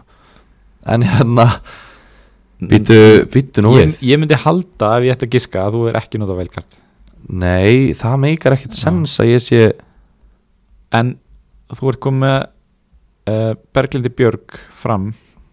Já, Björgu. Uh, sem að þetta gerði fárulega vel í síðustu verð hún fikk 29 stig. Já, Hvað skoraði hún? Hún skoraði þrennu á móti IBF og lagði upp. Og svo skoraði hún á móti val og lagði upp. Og fekk náttúrulega bónusinu á móti IBF. Já, Þannig að hún er með 29 stig. Ég er bara ánar að hafa haft hana. Ég er ánar að hafa, veist, haft the balls Í að selja Elinu Mettu Ég ætlaði að mynda að fara að koma að því Já. Þú ert búin að selja hana Hvað hérna Þú veist, er þetta svona djúplega ígrundið ákvörun eða þú veist, hvað er að baka við þetta? Já, hún er það, þetta er djúblega ígrundu ákvörun Já. uh, Fyrir þessum fyrir átti Berglind tvöfaldum fyrir og Elin Metta átti eitt leik og það var úti öll á móti breyðablík Mm -hmm. Ég held að Elin Metta hafi aldrei skorað á móti val Nei, breyðablík Já, og ekki val heldur. Ég held að þessi tvö lið séu einu liðin sem hún eftir að skora á móti. Ok. Uh, Hún var ekki keppmandi val, hún var keppmandi breyðablík Hún skoraði ekki, fekk tvö stig eða ég vil eitt fekk hún guld Ég skiptir ekki. máli. En hérna Já, ég hugsa að ég verð að hafa Berglindi Ég, ég verð líka að hafa aðra leikmenn en Ég sel Elinu Mettu Og ég er ekkert viss um að ég sé að fara að taka hana inn Alveg strax, ég er verð að hafa hana. Já, En það er ég af F á heima Og það er þrenna frá Elinu Mettu já, uh, Svo, þannig að þú veist Ég, ég verð bara að, sætta mig við það. Hún bara, Ég missa þrennu þar. Ok, leðilegt uh, Selfoss og útivelli. Er það eitthvað gefins? nei, nei, látt frá því. Og svo kemur önnur tvöfald umferð þar sem að breyða blika á FA og Þór Káa og valur á aftur eitt leik. Á útivella mútið er reyndar sem er kannski tvö mörk hjá, hjá hérna, Ilnu en fimm kannski frá Berglindi hmm. þannig að ég er að horfa svona á næstu þrjár umferðir og þessa fjór, sjöndu umferð náttúrulega líka. Ég hugsaði bara, nefndu, Elin þetta er ekkert að fara að raða inn stigum þarna eins mikið og Já, samanborið við frammerja breyðabliks já, ég meina, og, og Katrín Áspjörs hún er nú þegar komið 13 stigum meira Já, í þessari, þe- þessu dæmi. Káur, veist, Katrín getur alveg skorað móti Þór Káa. Eitt eða tvö mörg, þannig að ég er svona þetta er fjögra vikna prósess en mögulega, ég veit ekki já, 3,8 miljónur í bankanum ég gæti selt, Jesus, er þetta að safna vöxtum? nei, ég er bara svona, eins og þú skilur. Ég er kannski bara, köpum nýjan bíl og fer í tveggjagna ringferð og eitthvað svona skilur þú veist, ég er kannski stýttist ég að maður getur farið að gera það leifa sér aðeins, en, en ég gæti selt Stefani Ribeiro sem, sem er búin að vera eitthvað meitt, ég veit ekki hversu mikið hún er meitt uh, og, og keifteilum þetta líka, ég, ég veit það ekki alveg ég er aðeins að skoða þetta. En hérna en já, ég ætla allavega að vera með Berglindi áfram eftir náttúrulega þetta, hún er náttúrulega bara sjóðandi heit núna, komið Mhm. tvær þrennur í þremur leikjum eða ekki, Jú, ég held það. Uh, þannig að já ég veit ekki hvað ég er að gera með, með þrjár. Jú, náttúrulega í þessari sjöndu umferð var fylgir að keppa heima á móti stjörnunni og úti á móti Þórkáa mm ég held bara fylgir gæti haldur hreinu í að minnst að einum af þessum leik. -hmm. þær gáttu það ekki. Og það er bara ef við tölum aðeins um fylgistelpunar að þær eru bara alls ekki eins eins solid varnarlega og ég held farandi inn í tímabili það er eitthvað sem er ekki að vanta og mér finnst það bara mér finnst það svolítið utan við sig svona, veist, það er svona það er ekki þessi einhvern veginn, svona, veist, það voru svo svona, hva, það er eitthvað orð þarna. M- svona ruthless einhvern veginn í leikjunum þar Já. áður. Voru bara að refsa og voru ekkert að leifa öðrum liðum að refsa sér og þessi leiki sem ég séð, þeim núna þær eru bara þær voru tölvöld lagar á móti stjörnunni eiginlega bara yfirspilaðar af stjörnunni. Þær voru uh, lagari á móti Þór Káa fyrirháleikin sem ég sá og á móti þrótti það sem ég sá, þannig að ég séð veist allavega þessa þrjá leiki og þetta er bara ekki nógu gott sko. Þannig að ég ætla að losa mig eitthvað við ég get ekki haft þrjá vardamenn í fylki. Nei.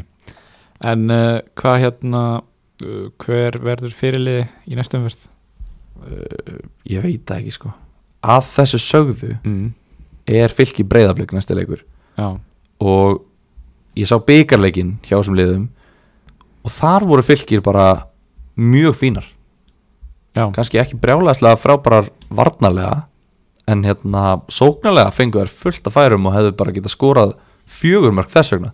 Spurning hvort að Íris byrji í markinu eða Sonni miða við, hérna, miða við þann leik. En ég er að horfa náttúrulega á Berglindi sem er búin að skora eins og, eins og, eins og óður maður. Undanvarnar Mm. hlín heima á móti FH það væri ótrúlega gaman að setja bandi á hlín mm. að því ég er ekki með Elinavettu sem valmöguleika og þið, allir hinnir fara í Elinavettu og ég set bandi á hlín og hlín skora þrennu. Mér setið mitt hausverku sko Já. Ég maður báðar en þú, sko, málega er það eru kannski einn af hverjum hundrað er að fara að þóra að setja bandi á hlín. Já, það er ekki hægt að setja bandi á hlín þegar Elimatti, Elimatti er í sama lið á hlín og, og hún er alltaf svona físilegur kostur þannig að þetta er svona, ég veit ekki, ég hef ekki innan hausverk. Ég er að pæli að hafa bara bandið á hlín jafnvel. Mm. ég, þú veist, ég veit ekki, jafnvel að selja bara Stefani oh my god, akkur að gera maður það ekki það er eiga síðan það er ekki einu svona að keppa tvö, já, heyrðu, ég þarf að fara að selja já. Heyrðu, kannski enda ég bara með elvættu oh my god, ég ekki, ég þarf að skoða þetta að spyrja að því markaðinu lokar á morgun. Já, Uh, ég þarf að klára aðeins að púsla þessu saman. Ég veit ekki hvort að til og með Telma Lóa er hún einhver lang uh, tíma leikmaður í liðinu? Veit það ekki. Kanski, ég geti sko hvernig er liðið þitt, hvernig er þú með þessum fyrirlega þú sko ég, já, ég er náttúrulega með Elimattu og Hlín sem er eiga F á heima og ég er, þú veist, það er garanterað önnu hvort þeir að færa bandið. Ég er svona ég skal viðkynna, það er mjög freistandi að, að setja á Hlín í þetta skipti það er náttúrulega gekk vel hjá mér í byrjun móts að rótera á milli þeirra. Og mér finnst bara svona Hlín að mörgur þetta meira svona explosive leikmaður, þú veist, herra þak. Já, svona einhver leiti sko í rauninni, þú veist hvort þeirra er líklega til að skora fjögur mörg já. Það er líklega lín Þannig hérna, allavega, svona, þegar hún á þú veist, sína leiki þá virkilega hittur hún á það sko. en hún á líka læra golf. Já, golfið hennar í elunarmöttu er bara eitt mark í leik, veist, það er bara 6 stig eða eitthvað. Það verðist vera. En ég er með þess að frammi Eli Mettu, Margrét Átna og Sveindísi sem var fyrirlið í síðasta leik og gerði ansi vel þar síðustu umferð. Uh, Svo er ég með Hlín, Alexandru og Magdalenu Önnu Reymus á miðinni ok. Það er áhugavert. Já, ok. Seldi Sjámiku og tók hana í staðinn. Já. Sem náttúrulega gaf ágætli í síðustu umferð þar sem Magdalena skoraði og, og sem eitthvað raukt Já, ríkalegt um, Svo Hafrún Rakel, Elísu Viðars, Áslögu Dóru og Mari Alice Veistu eitthvað stöðun á henni? Uh, Bara það að hún er búin að vera meitt En nei, hvort hún var veik.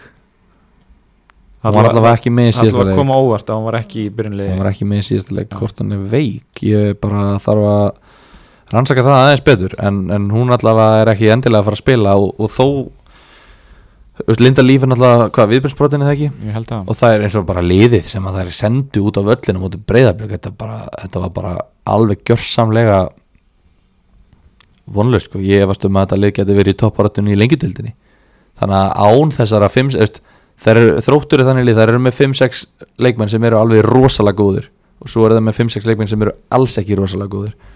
Og þegar að vantar svona marga líkil með þær voru ekki með uh, Marialis, þær voru ekki með uh, Ribeiro, þær voru ekki með Lindu Líf og hérna já bara fleiri sem vantar, þetta voru fimm leikmenni eða eitthvað hérna, þannig að þú veist ég veit ekki, það bara, þá verður þetta lið rosalega laskað. Já. Ég hugsa núna uh, ég seti fylgistelpunar á bekkin á móti breyðablík það sem að breyðablík er með fullt úr stiga og markatóluna 24-0 eftir Já. 6 leiki. 4-0 að meðaltali hver leikur. Já, þannig að hérna að þá fari harpa í markið og uh, ef að Mari spilar ekki að þá kemur Betsy Hassett inn á. Þannig að ég ætti að vera svona nokkuð safe. Nokkuð segif að þurfa ekki að láta leikmenn úr tablausa liði fylgis spila. Já, og ættir að komast hjá því. Já,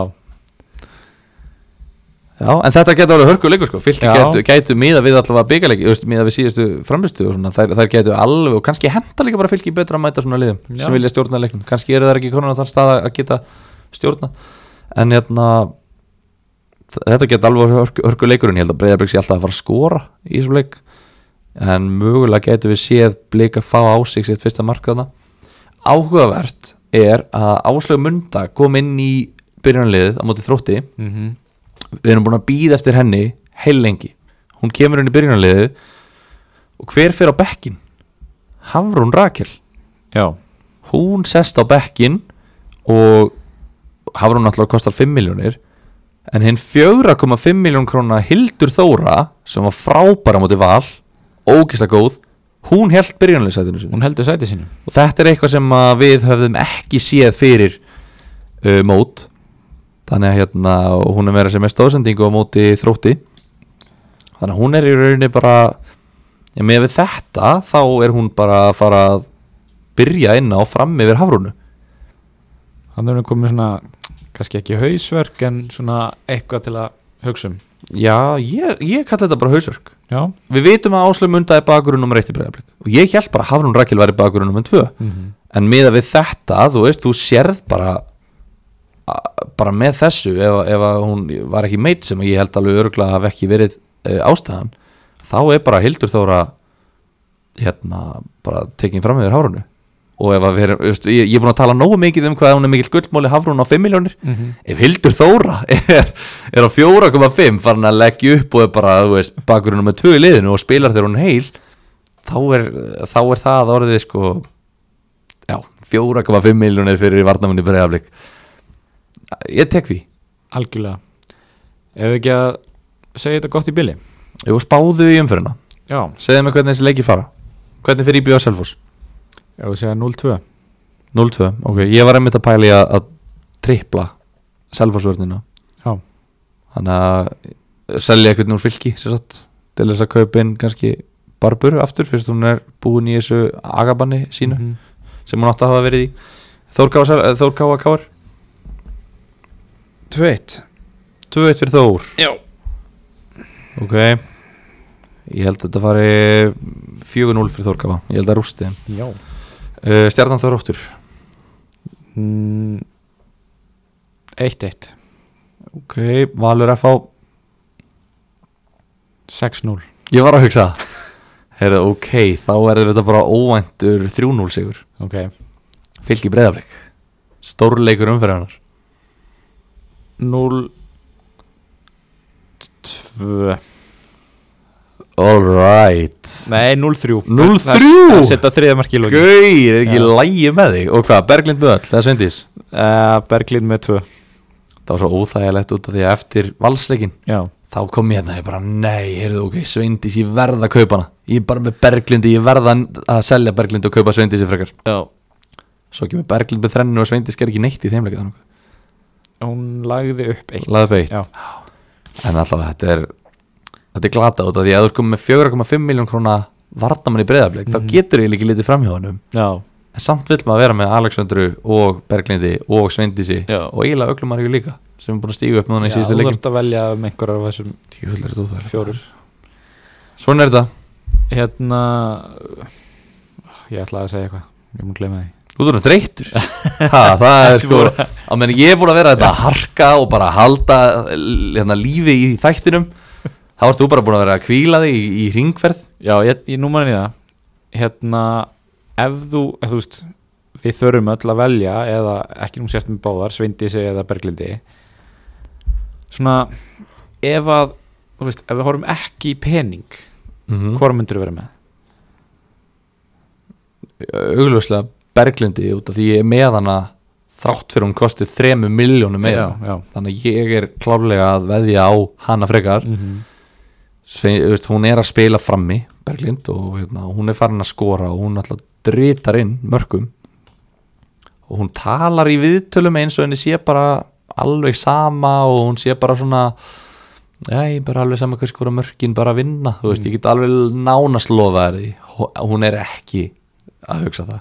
Fólk er að ljúga svo mikið í svona viðtölum og ég bara kalla eftir því að fólk var að vera bara hreinskilið, þú veist, Berglind, það er alltaf lægi að segja bara, heyrðu, já, uh, ég er að vinna við að skora mörk. Já, uh, auðvitað vil ég vera svo sem skora mörkin skilur við, ekki er að ég sem er að bjarga á línu við, þú veist er bara varnamennin er að ég á að skora mörkin. Mhm. þetta er mín vinna, ef ég er ekki að gera það þá er ekki að vinna vinnunum mín alveg auðvitað verð ég að skora í hverjum einasta leik og helst þrennu. Er þetta bara að tala um svona Balotelli stæl bara ég fagna ekki því skora mörka því að sögum ástöð og postbröðmaðurinn fagnar ekki þegar hann setur umslæðin um lúuna nánast sko. Já. þú veist, ef að það er ástæðan þá er það gaman sko en þú veist, við sjáum þetta samt svona þú veist svona 19-20 ára strákar sem að koma inn á í Pepsi-deildina og skora og láta eins og það hafa aldrei gert neitt annað. Já, er eitthvað, ég ætla ekki að fagna, ég ætla bara að lappa geta nettu tilbaka og eitthvað svona. Þá þarf ég að setjast á henduna mína sko, þú veist, ég, ég höndla ekki þannig típur en, þú veist, Berglið auðvitað er hún bara í til að skora og vinna titla. En það er vinna titla út af því að hún skorar og hún verður bara alltaf áfram að skora og Sveindi sé kannski svona meira svona, hefðu, vá, ég er bara komin í breyðaflik núna, ég er í besta liði landsins og ég er bara 19, er, skilur, ég þekki hann ekki skilur en hún er kannski aðeins meira að hugsa þannig skilur hvað ég meina, bara svona já, já. sátt með það sem hún er með núna. Menna, Berglið, hún, ef hún verður ekki markakongur þá Marka þá- drottning, þá, marka drottning, já, vá. Þá er það hérna vonbreiði fyrir hana. Segðu Herri, þá segjum við þetta gott að bili og við ætlum að vera hérna í næstu viku með sigurvera Böttvæsadeldarinnar og stiga þesta Fantasy Premier League spilara Íslands. Og heyrumst þá